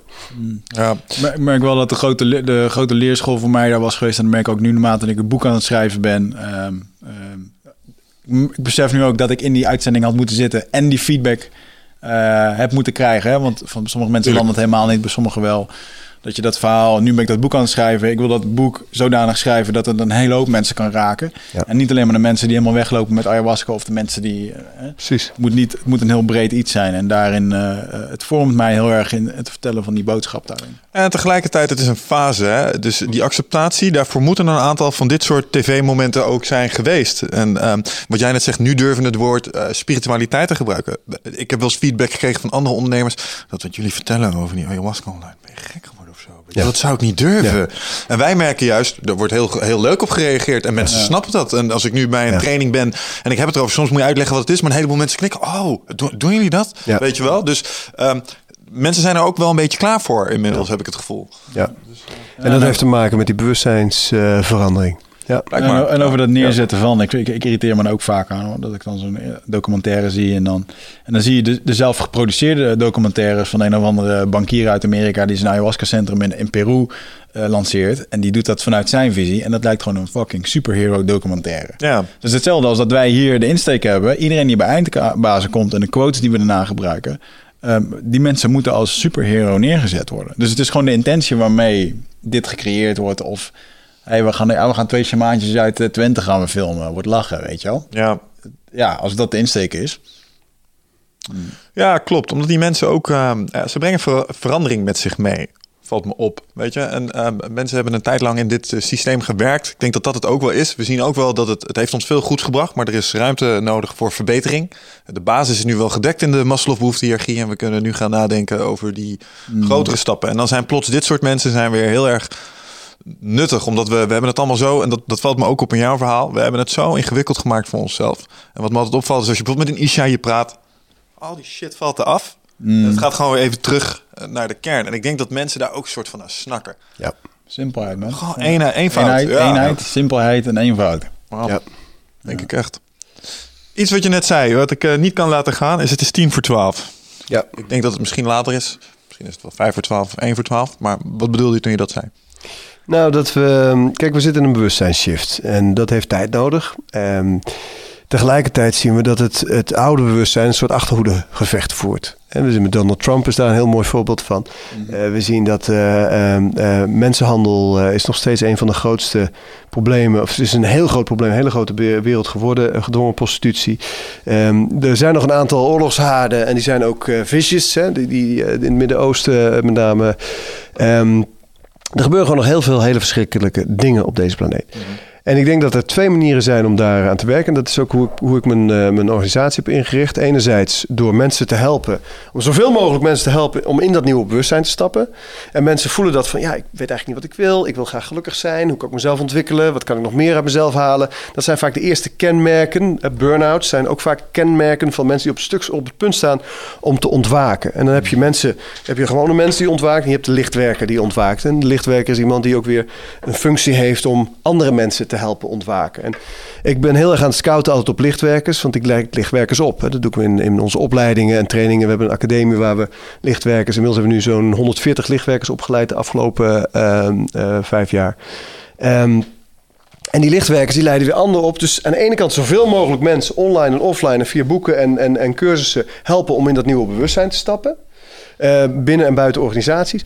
En aan de andere kant ook aandacht vragen voor de problematiek van deze tijd. En weet je, de, de, de, de slavernij is opgehouden omdat er heel veel bewustzijn op kwam. Er kwamen steeds meer mensen die vonden dat het niet kon.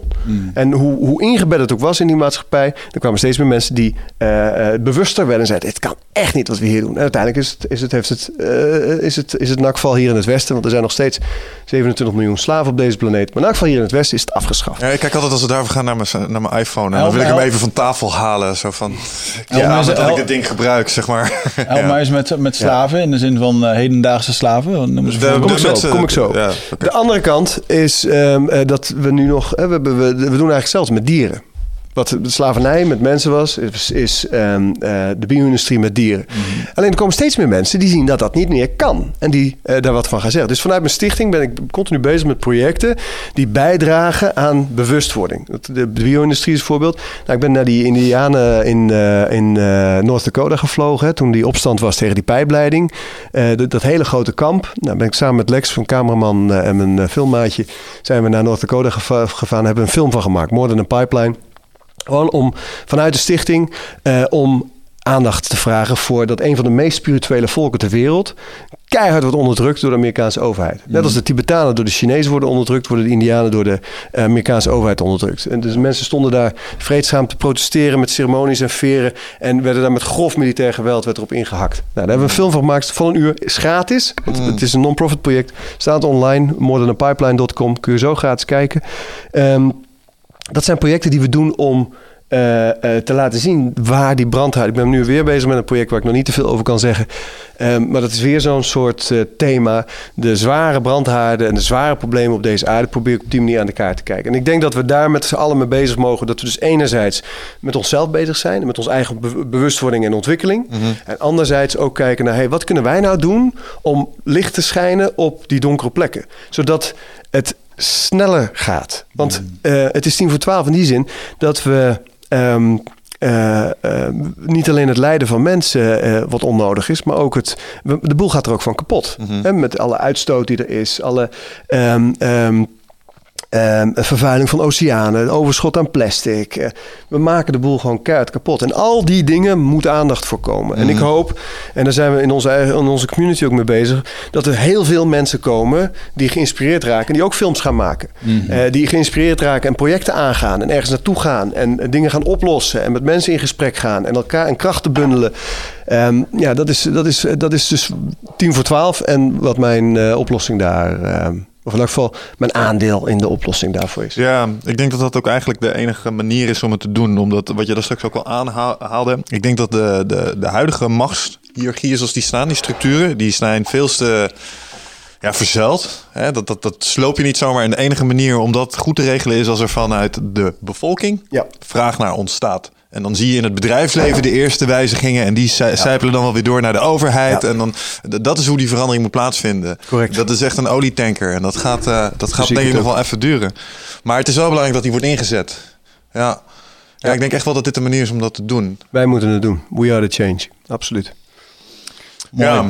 Stel je nou voor je luistert hiernaar en je zou ook zoiets willen doen. En je wil wel een klein beetje in het mini een lichtwerkertje doen, eh, lichtwerker worden of zijn. Of in ieder geval voor je omgeving een positief effect hebben. Wat zou je mensen dan aanbevelen? Nou, om zichzelf ehm, ehm, eerst met zichzelf aan de slag te gaan. Dus eh, fysieke optimalisatie, ik gaf het al aan, sport, yoga, voeding. Ehm, emotionele optimalisatie, dus aan de slag met je eigen stukken, je demonen aankijken, je, je oude trauma's en blokkades opruimen, je negatieve emoties opruimen. Er zijn, weet je, de afgelopen honderd jaar zijn er zoveel eh, technieken ontwikkeld waarmee je je emoties kunt, hè, kunt, eh, kunt opschonen. Van reiki-vormen tot touch of matrix, tot EFT, EMDR, noem het maar op. Dus er is voor niemand meer een excuus om dat niet te doen. Ehm, mentaal aan de slag gaan met jezelf. Dus door allerlei technieken jezelf mentaal opschonen, je overtuigingen omzetten, eh, op een andere manier leren denken, eh, de kracht van je gedachten ook leren begrijpen. Spiritueel contact te maken met je hogere bewustzijn, dus de meditatie, eh, door beoefening van nou, methoden die bij jou passen. Hè. Voor de ene is dat boeddhistisch, boeddhistische meditatie, voor de ander kabbalisme. En derde die zegt, nou ik zoek eigenlijk een moderne methode. En mensen die gaan naar Wim Hof. En nee, goed, dus, dus is, er is zoveel voor. En als je daarmee bezig gaat, vervolgens, dan maak je jezelf, schoon je jezelf op. En als je jezelf op fysiek, emotioneel, mentaal en spiritueel opschoont, dan maak je het kanaal schoon. Ehm, waardoor ehm, het universum weer kan stromen door je. Het, uiteindelijk gaat het om je zenuwstelsel. Je centraal zenuwstelsel, je hersenen en je ruggenmerg en je ruggengraat. Eh, alles, eigenlijk kun je alles, alles wat ik net zei daarop terugvoeren. Het, doet de coördinatie in je fysieke lichaam. Emoties voel je ook in dat gebied. Hè. Dus de, de, de, de emotionele coördinatie zit voor een heel groot deel in je centrale zenuwstelsel. Mentaal en gedachten, overtuigingen. Ehm, spiritueel, je pijnappelklier, aansluiting, maar ook je hart. Ehm, ehm, je thymusklier. Kortom, dat centraal zenuwstelsel optimaliseren. En als je dat centraal zenuwstelsel goed bekijkt, je ruggengraat is een golf. En jij bent ook een golf op, eh, op de oceaan die we het universum noemen, of het bewustzijn. En als je dat beseft en je maakt die golf schoon, dan kan het universum weer door die golf heen stromen. En op dat moment komt dus ook je missie omhoog. Datgene wat je hier te doen hebt. Datgene waarvan je ziel heeft gezegd toen de keuze had tussen hè, al die verschillende mogelijkheden. Dat leven gaan we nu leiden. En hoe dichter je bij je zielsmissie komt, hoe gelukkiger je bent. Hoe magischer het leven wordt. Hoe meer de mensen en alles wat je nodig hebt op je pad komt. Nou, dat, dat ervaren jullie ook. En ehm, van daaruit wordt wel duidelijk of je een lichtwerker bent of niet. Als je missie is om andere mensen te helpen om ook te ontwaken. ehm, dan, dan, dan openbaart zich dat wel aan je. Want lichtwerker ben je bij geboorte of ben je niet bij eh, geboorte. En, ehm, maar alleen al door je eigen licht te gaan laten schijnen en jezelf eh, te optimaliseren en jezelf te worden. Want mensen denken vaak, ja, moet ik dan iemand anders worden? Nee, je bent juist meer jezelf geworden. Je bent iemand anders geworden dan je eigenlijk bent in de loop van je leven. Door alles wat er gebeurd is en de mensen waar je mee in aanraking bent gekomen, je opvoeding. En dit is een weg terug naar wie je in werkelijkheid bent. Terug naar jezelf, terug naar de meest authentieke versie. Als je die hebt, je zielsmissie hebt, dan inspireer je anderen. Dan straal je, net als jij op tv straalde en, en de wereld liet zien. Kijk, bam, zo kan het ook. En dan, dan gaan anderen ook van aan. Nou ja, eigenlijk moeilijker is het eigenlijk niet dan dat. Ah. Ben jij een lichtwerker? Eh, nou ja, je mag dat niet over jezelf zeggen, denk ik. Maar ik denk wel dat ik eh, dingen doe die daarop lijken, ja. En ik, ik zat net te denken, ik bedoel, ik weet dat bij de term lichtwerker bij jou uh, haar overeind gaan staan. Maar uiteindelijk is het niet anders dan nee, een... Het is een woord. Het is een woord voor... Uh, het, weet je, het wordt dan vaak een beetje in een, in een context... Laat ik zo zeggen, als sommige mensen het woord lichtgebruiker... zoals jij het nu beschrijft en ook op je website... je hebt het over trainers, over vloggers, over podcasters, wat dan ook. Ja. Dan is het eigenlijk heel erg logisch. Joh. Je bent gewoon iemand die bewustzijn aan het verspreiden is. Precies.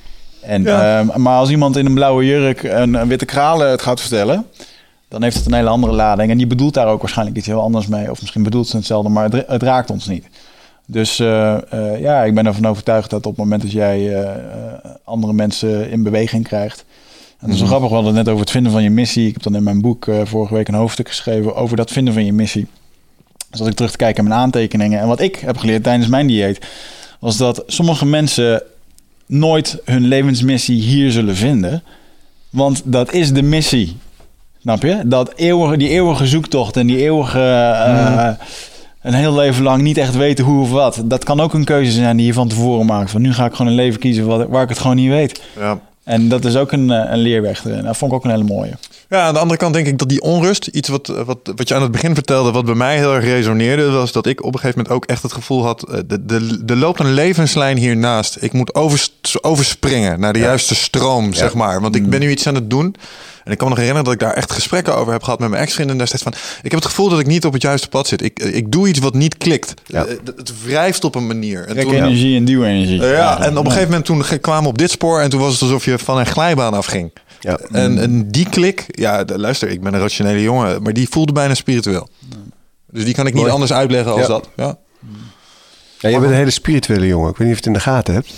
Het is niet noodzakelijk het eerste stempel dat ik op mezelf zou plakken. Ja, ja, je doet wel heel rationeel, maar eigenlijk is het Stiekem helemaal niet. zo. Ja. Nee, precies. En je stelt vragen. En dat zei Jan Geurtsen ook. Het feit dat je die vragen stelt, betekent dat je spiritueel Oh, ik ben met al deze thema's bezig. Uh, 100%. Ja. en ik vind ze ook maatloos interessant. Ja. Alleen, uh, ja, ik probeer ze wel even te rijmen met, uh, met feitelijkheden. Maar ik denk dat dat ook goed is. Weet je, en ik denk ook dat dat de moderne, modern lichtwerkerschap is. Dat je um, in, in, in eerder mensen die, zeg maar, het gaat een beetje, kijk even, kijk even naar generaties. Hè. Generaties voor ons, uh, die denken nog wat ouderwetser over lichtwerkerschap. Hè. Dat, dat, dat, dat gaat op een andere manier. Dat gaat misschien wat zweveriger, wat vager. Uh, maar de moderne lichtwerkers, de generaties van, van, onze generaties en de generaties die daarna zijn gekomen, die staan gewoon in het leven. En die worden vaak wakker nadat ze een maatschappelijke carrière al opgebouwd hebben, of in elk geval een deel daarvan. Mm. En denken, ja, wacht eens even, ik wil wat anders. Ik, ik, merk, ik voel dat, dat, ik, dat er meer is en dat ik meer ben. Mm. Maar ik wil, geen, ik wil niet het, het, het, anders gaan leven of ineens alles loslaten. En weet je, ik wil het graag in mijn leven integreren. integreren. En dat is ook een beetje dat transcendentie tegenover transformeren. Um, dat, we het, uh, um, uh, dat we steeds meer gaan beseffen dat we spirituele wezens zijn. Dat we dat steeds meer gaan integreren in alles wat we uh, ja. doen en laten. En, ik denk dat, wat en dat je zie ik bij zei, jou ook. Ja, wat, wat, je net zei is superkrachtig daarbij. Want wat voor mij de doorslaggevende factor was... is dat ik niet van de een op de andere dag... dat transcenderen, het hoefde niet ineens om. Dit kon geleidelijk. Ja. En dit was een, dit was een proces. Precies. En daar, daarbij hoefde ik niet van de een op de andere dag mijn baan om te zeggen. En werd het plots behapbaar. Mhm. En ik denk dat een heleboel mensen denken, dat een soort valkuil voor is. Want die heb ik ook een tijdje voor me gehad. Uh, dat ze denken dat het ineens anders moet. Ja. Maar het zijn kleine dingetjes. Kleine stapjes. Mm. En niet anders worden dan je bent. Weet je, gewoon lekker jezelf blijven. En uh, eens kijken, wat, wat betekent dit voor mijn relatie? Wat betekent dit voor mijn werk? Wat betekent dit voor mijn, voor mijn fysieke aanwezigheid? Wat betekent dit voor wat ik eet? Wat, en dat heeft gewoon tijd nodig. Ja. Ja. Mm -hmm. Mooi. Zijn er nog, uh, we moeten een beetje naar een einde gaan breiden. Uh, zijn er nog dingen die je kwijt wil? Dingen die actueel zijn, evenementen, dingen? Ja, denk het is net uit, toch? Rust, nee, die is al een tijdje uit. Ik ben nu bezig met uh, een boek voor lichtwerkers. De Rust was mijn derde boek. Mijn vierde boek staat vandaag met Ademen, die heb jij. Um, mijn vijfde boek heet um, De Essentie van Transformatief Coachen. Dat is een methode die ik de afgelopen negen jaar heb ontwikkeld. Die op al die lagen, uh, waarmee, je, waarmee je cliënten op al die lagen kunt helpen uh, uh, ja, authentieker worden. Dichter bij zichzelf brengen en een zielsmissie weer vinden. Dat boek komt uh, begin volgend jaar uit. En um, nou ja, Stoppen met Vlees, dat is een boek wat, uh, wat ik uh, um, in maart uitbreng. En dat gaat over uh, nou ja, het hele onderzoek van de afgelopen twee jaar naar de, de effecten van, onze vlees, van ons vlees eten. Daar hoort ook een documentaire bij, die komt het einde van het jaar in dat online platform mm. waar ik het over had. Um, daarnaast zijn we, en dat is wel, dat is eigenlijk wel, vind ik wel heel groot nieuws en ook heel gaaf. En ik ben, vind het leuk om dat hier te mogen zeggen. Ehm, we, hebben een, eh, eh, we lanceren in januari een eh, jaarprogramma. Een jaar lang de diepte in, dus spiritueel leven. Ehm, leef je zielsmissie. Ehm, en dat gaat hierover. Eigenlijk al die dingen die we vandaag hebben besproken. Dus je persoonlijke ontwikkeling op al die lagen in je zielsmissie. Maar ook het verbinden met anderen, die community, gelijkgestemden. En wat kun je bijdragen? Hoe kun jij, wat, voor, wat, wat is er nou eigenlijk te doen? Hoe kun jij pay it forward? Hoe kun je het doorgeven? Hoe kun je het teruggeven? En eh, dat is een combinatie van online en offline. Dus een eh, online programma met 13 modules voor het hele jaar. En eh, vier events van, van twee dagen. Waarin ik mensen meeneem de diepte in met nou goed, al dat soort oefeningen. Waar je ehm, eh, emotional release tot en met extatische ervaringen. je hart openen. Want uiteindelijk begint het allemaal bij het hart. Het eerste orgaan. Contact maken met je ziel, met je hoge zelf. Ehm, en ook handvatten krijgen van hoe integreer ik dit nou in mijn, in mijn leven. Met beide benen op de grond. Dat zou jij dan wel weer, weer aanspreken. En ehm, dus dat is, eh, dat is zeg maar het grootste, ehm, eh, los van de boeken en de films die nog uitkomen, het grootste, de grootste announcement. En ook datgene waar ik, het, eh, ja, waar ik het meest dankbaar voor ben. Waar kunnen mensen jou vinden online? Bridgman.nl, robertbridgman.nl, beide is, uh, robertbridgman.nl is mijn online inspiratieplatform. En Bridgman.nl is gewoon onze website van onze organisatie. En daar kun je alle informatie vinden. Ehm, en ja, goed, er staat heel veel op YouTube en op andere kanalen. Mooi man. Dankjewel. Keep doing what you do, zou ik zeggen. En eh, Dankjewel. ik vond het een goede podcast. Ik ook man, ik vond het leuk. Ik heb veel dingen geleerd. Tot de volgende. Alright, tot de volgende. Dankjewel. Ciao.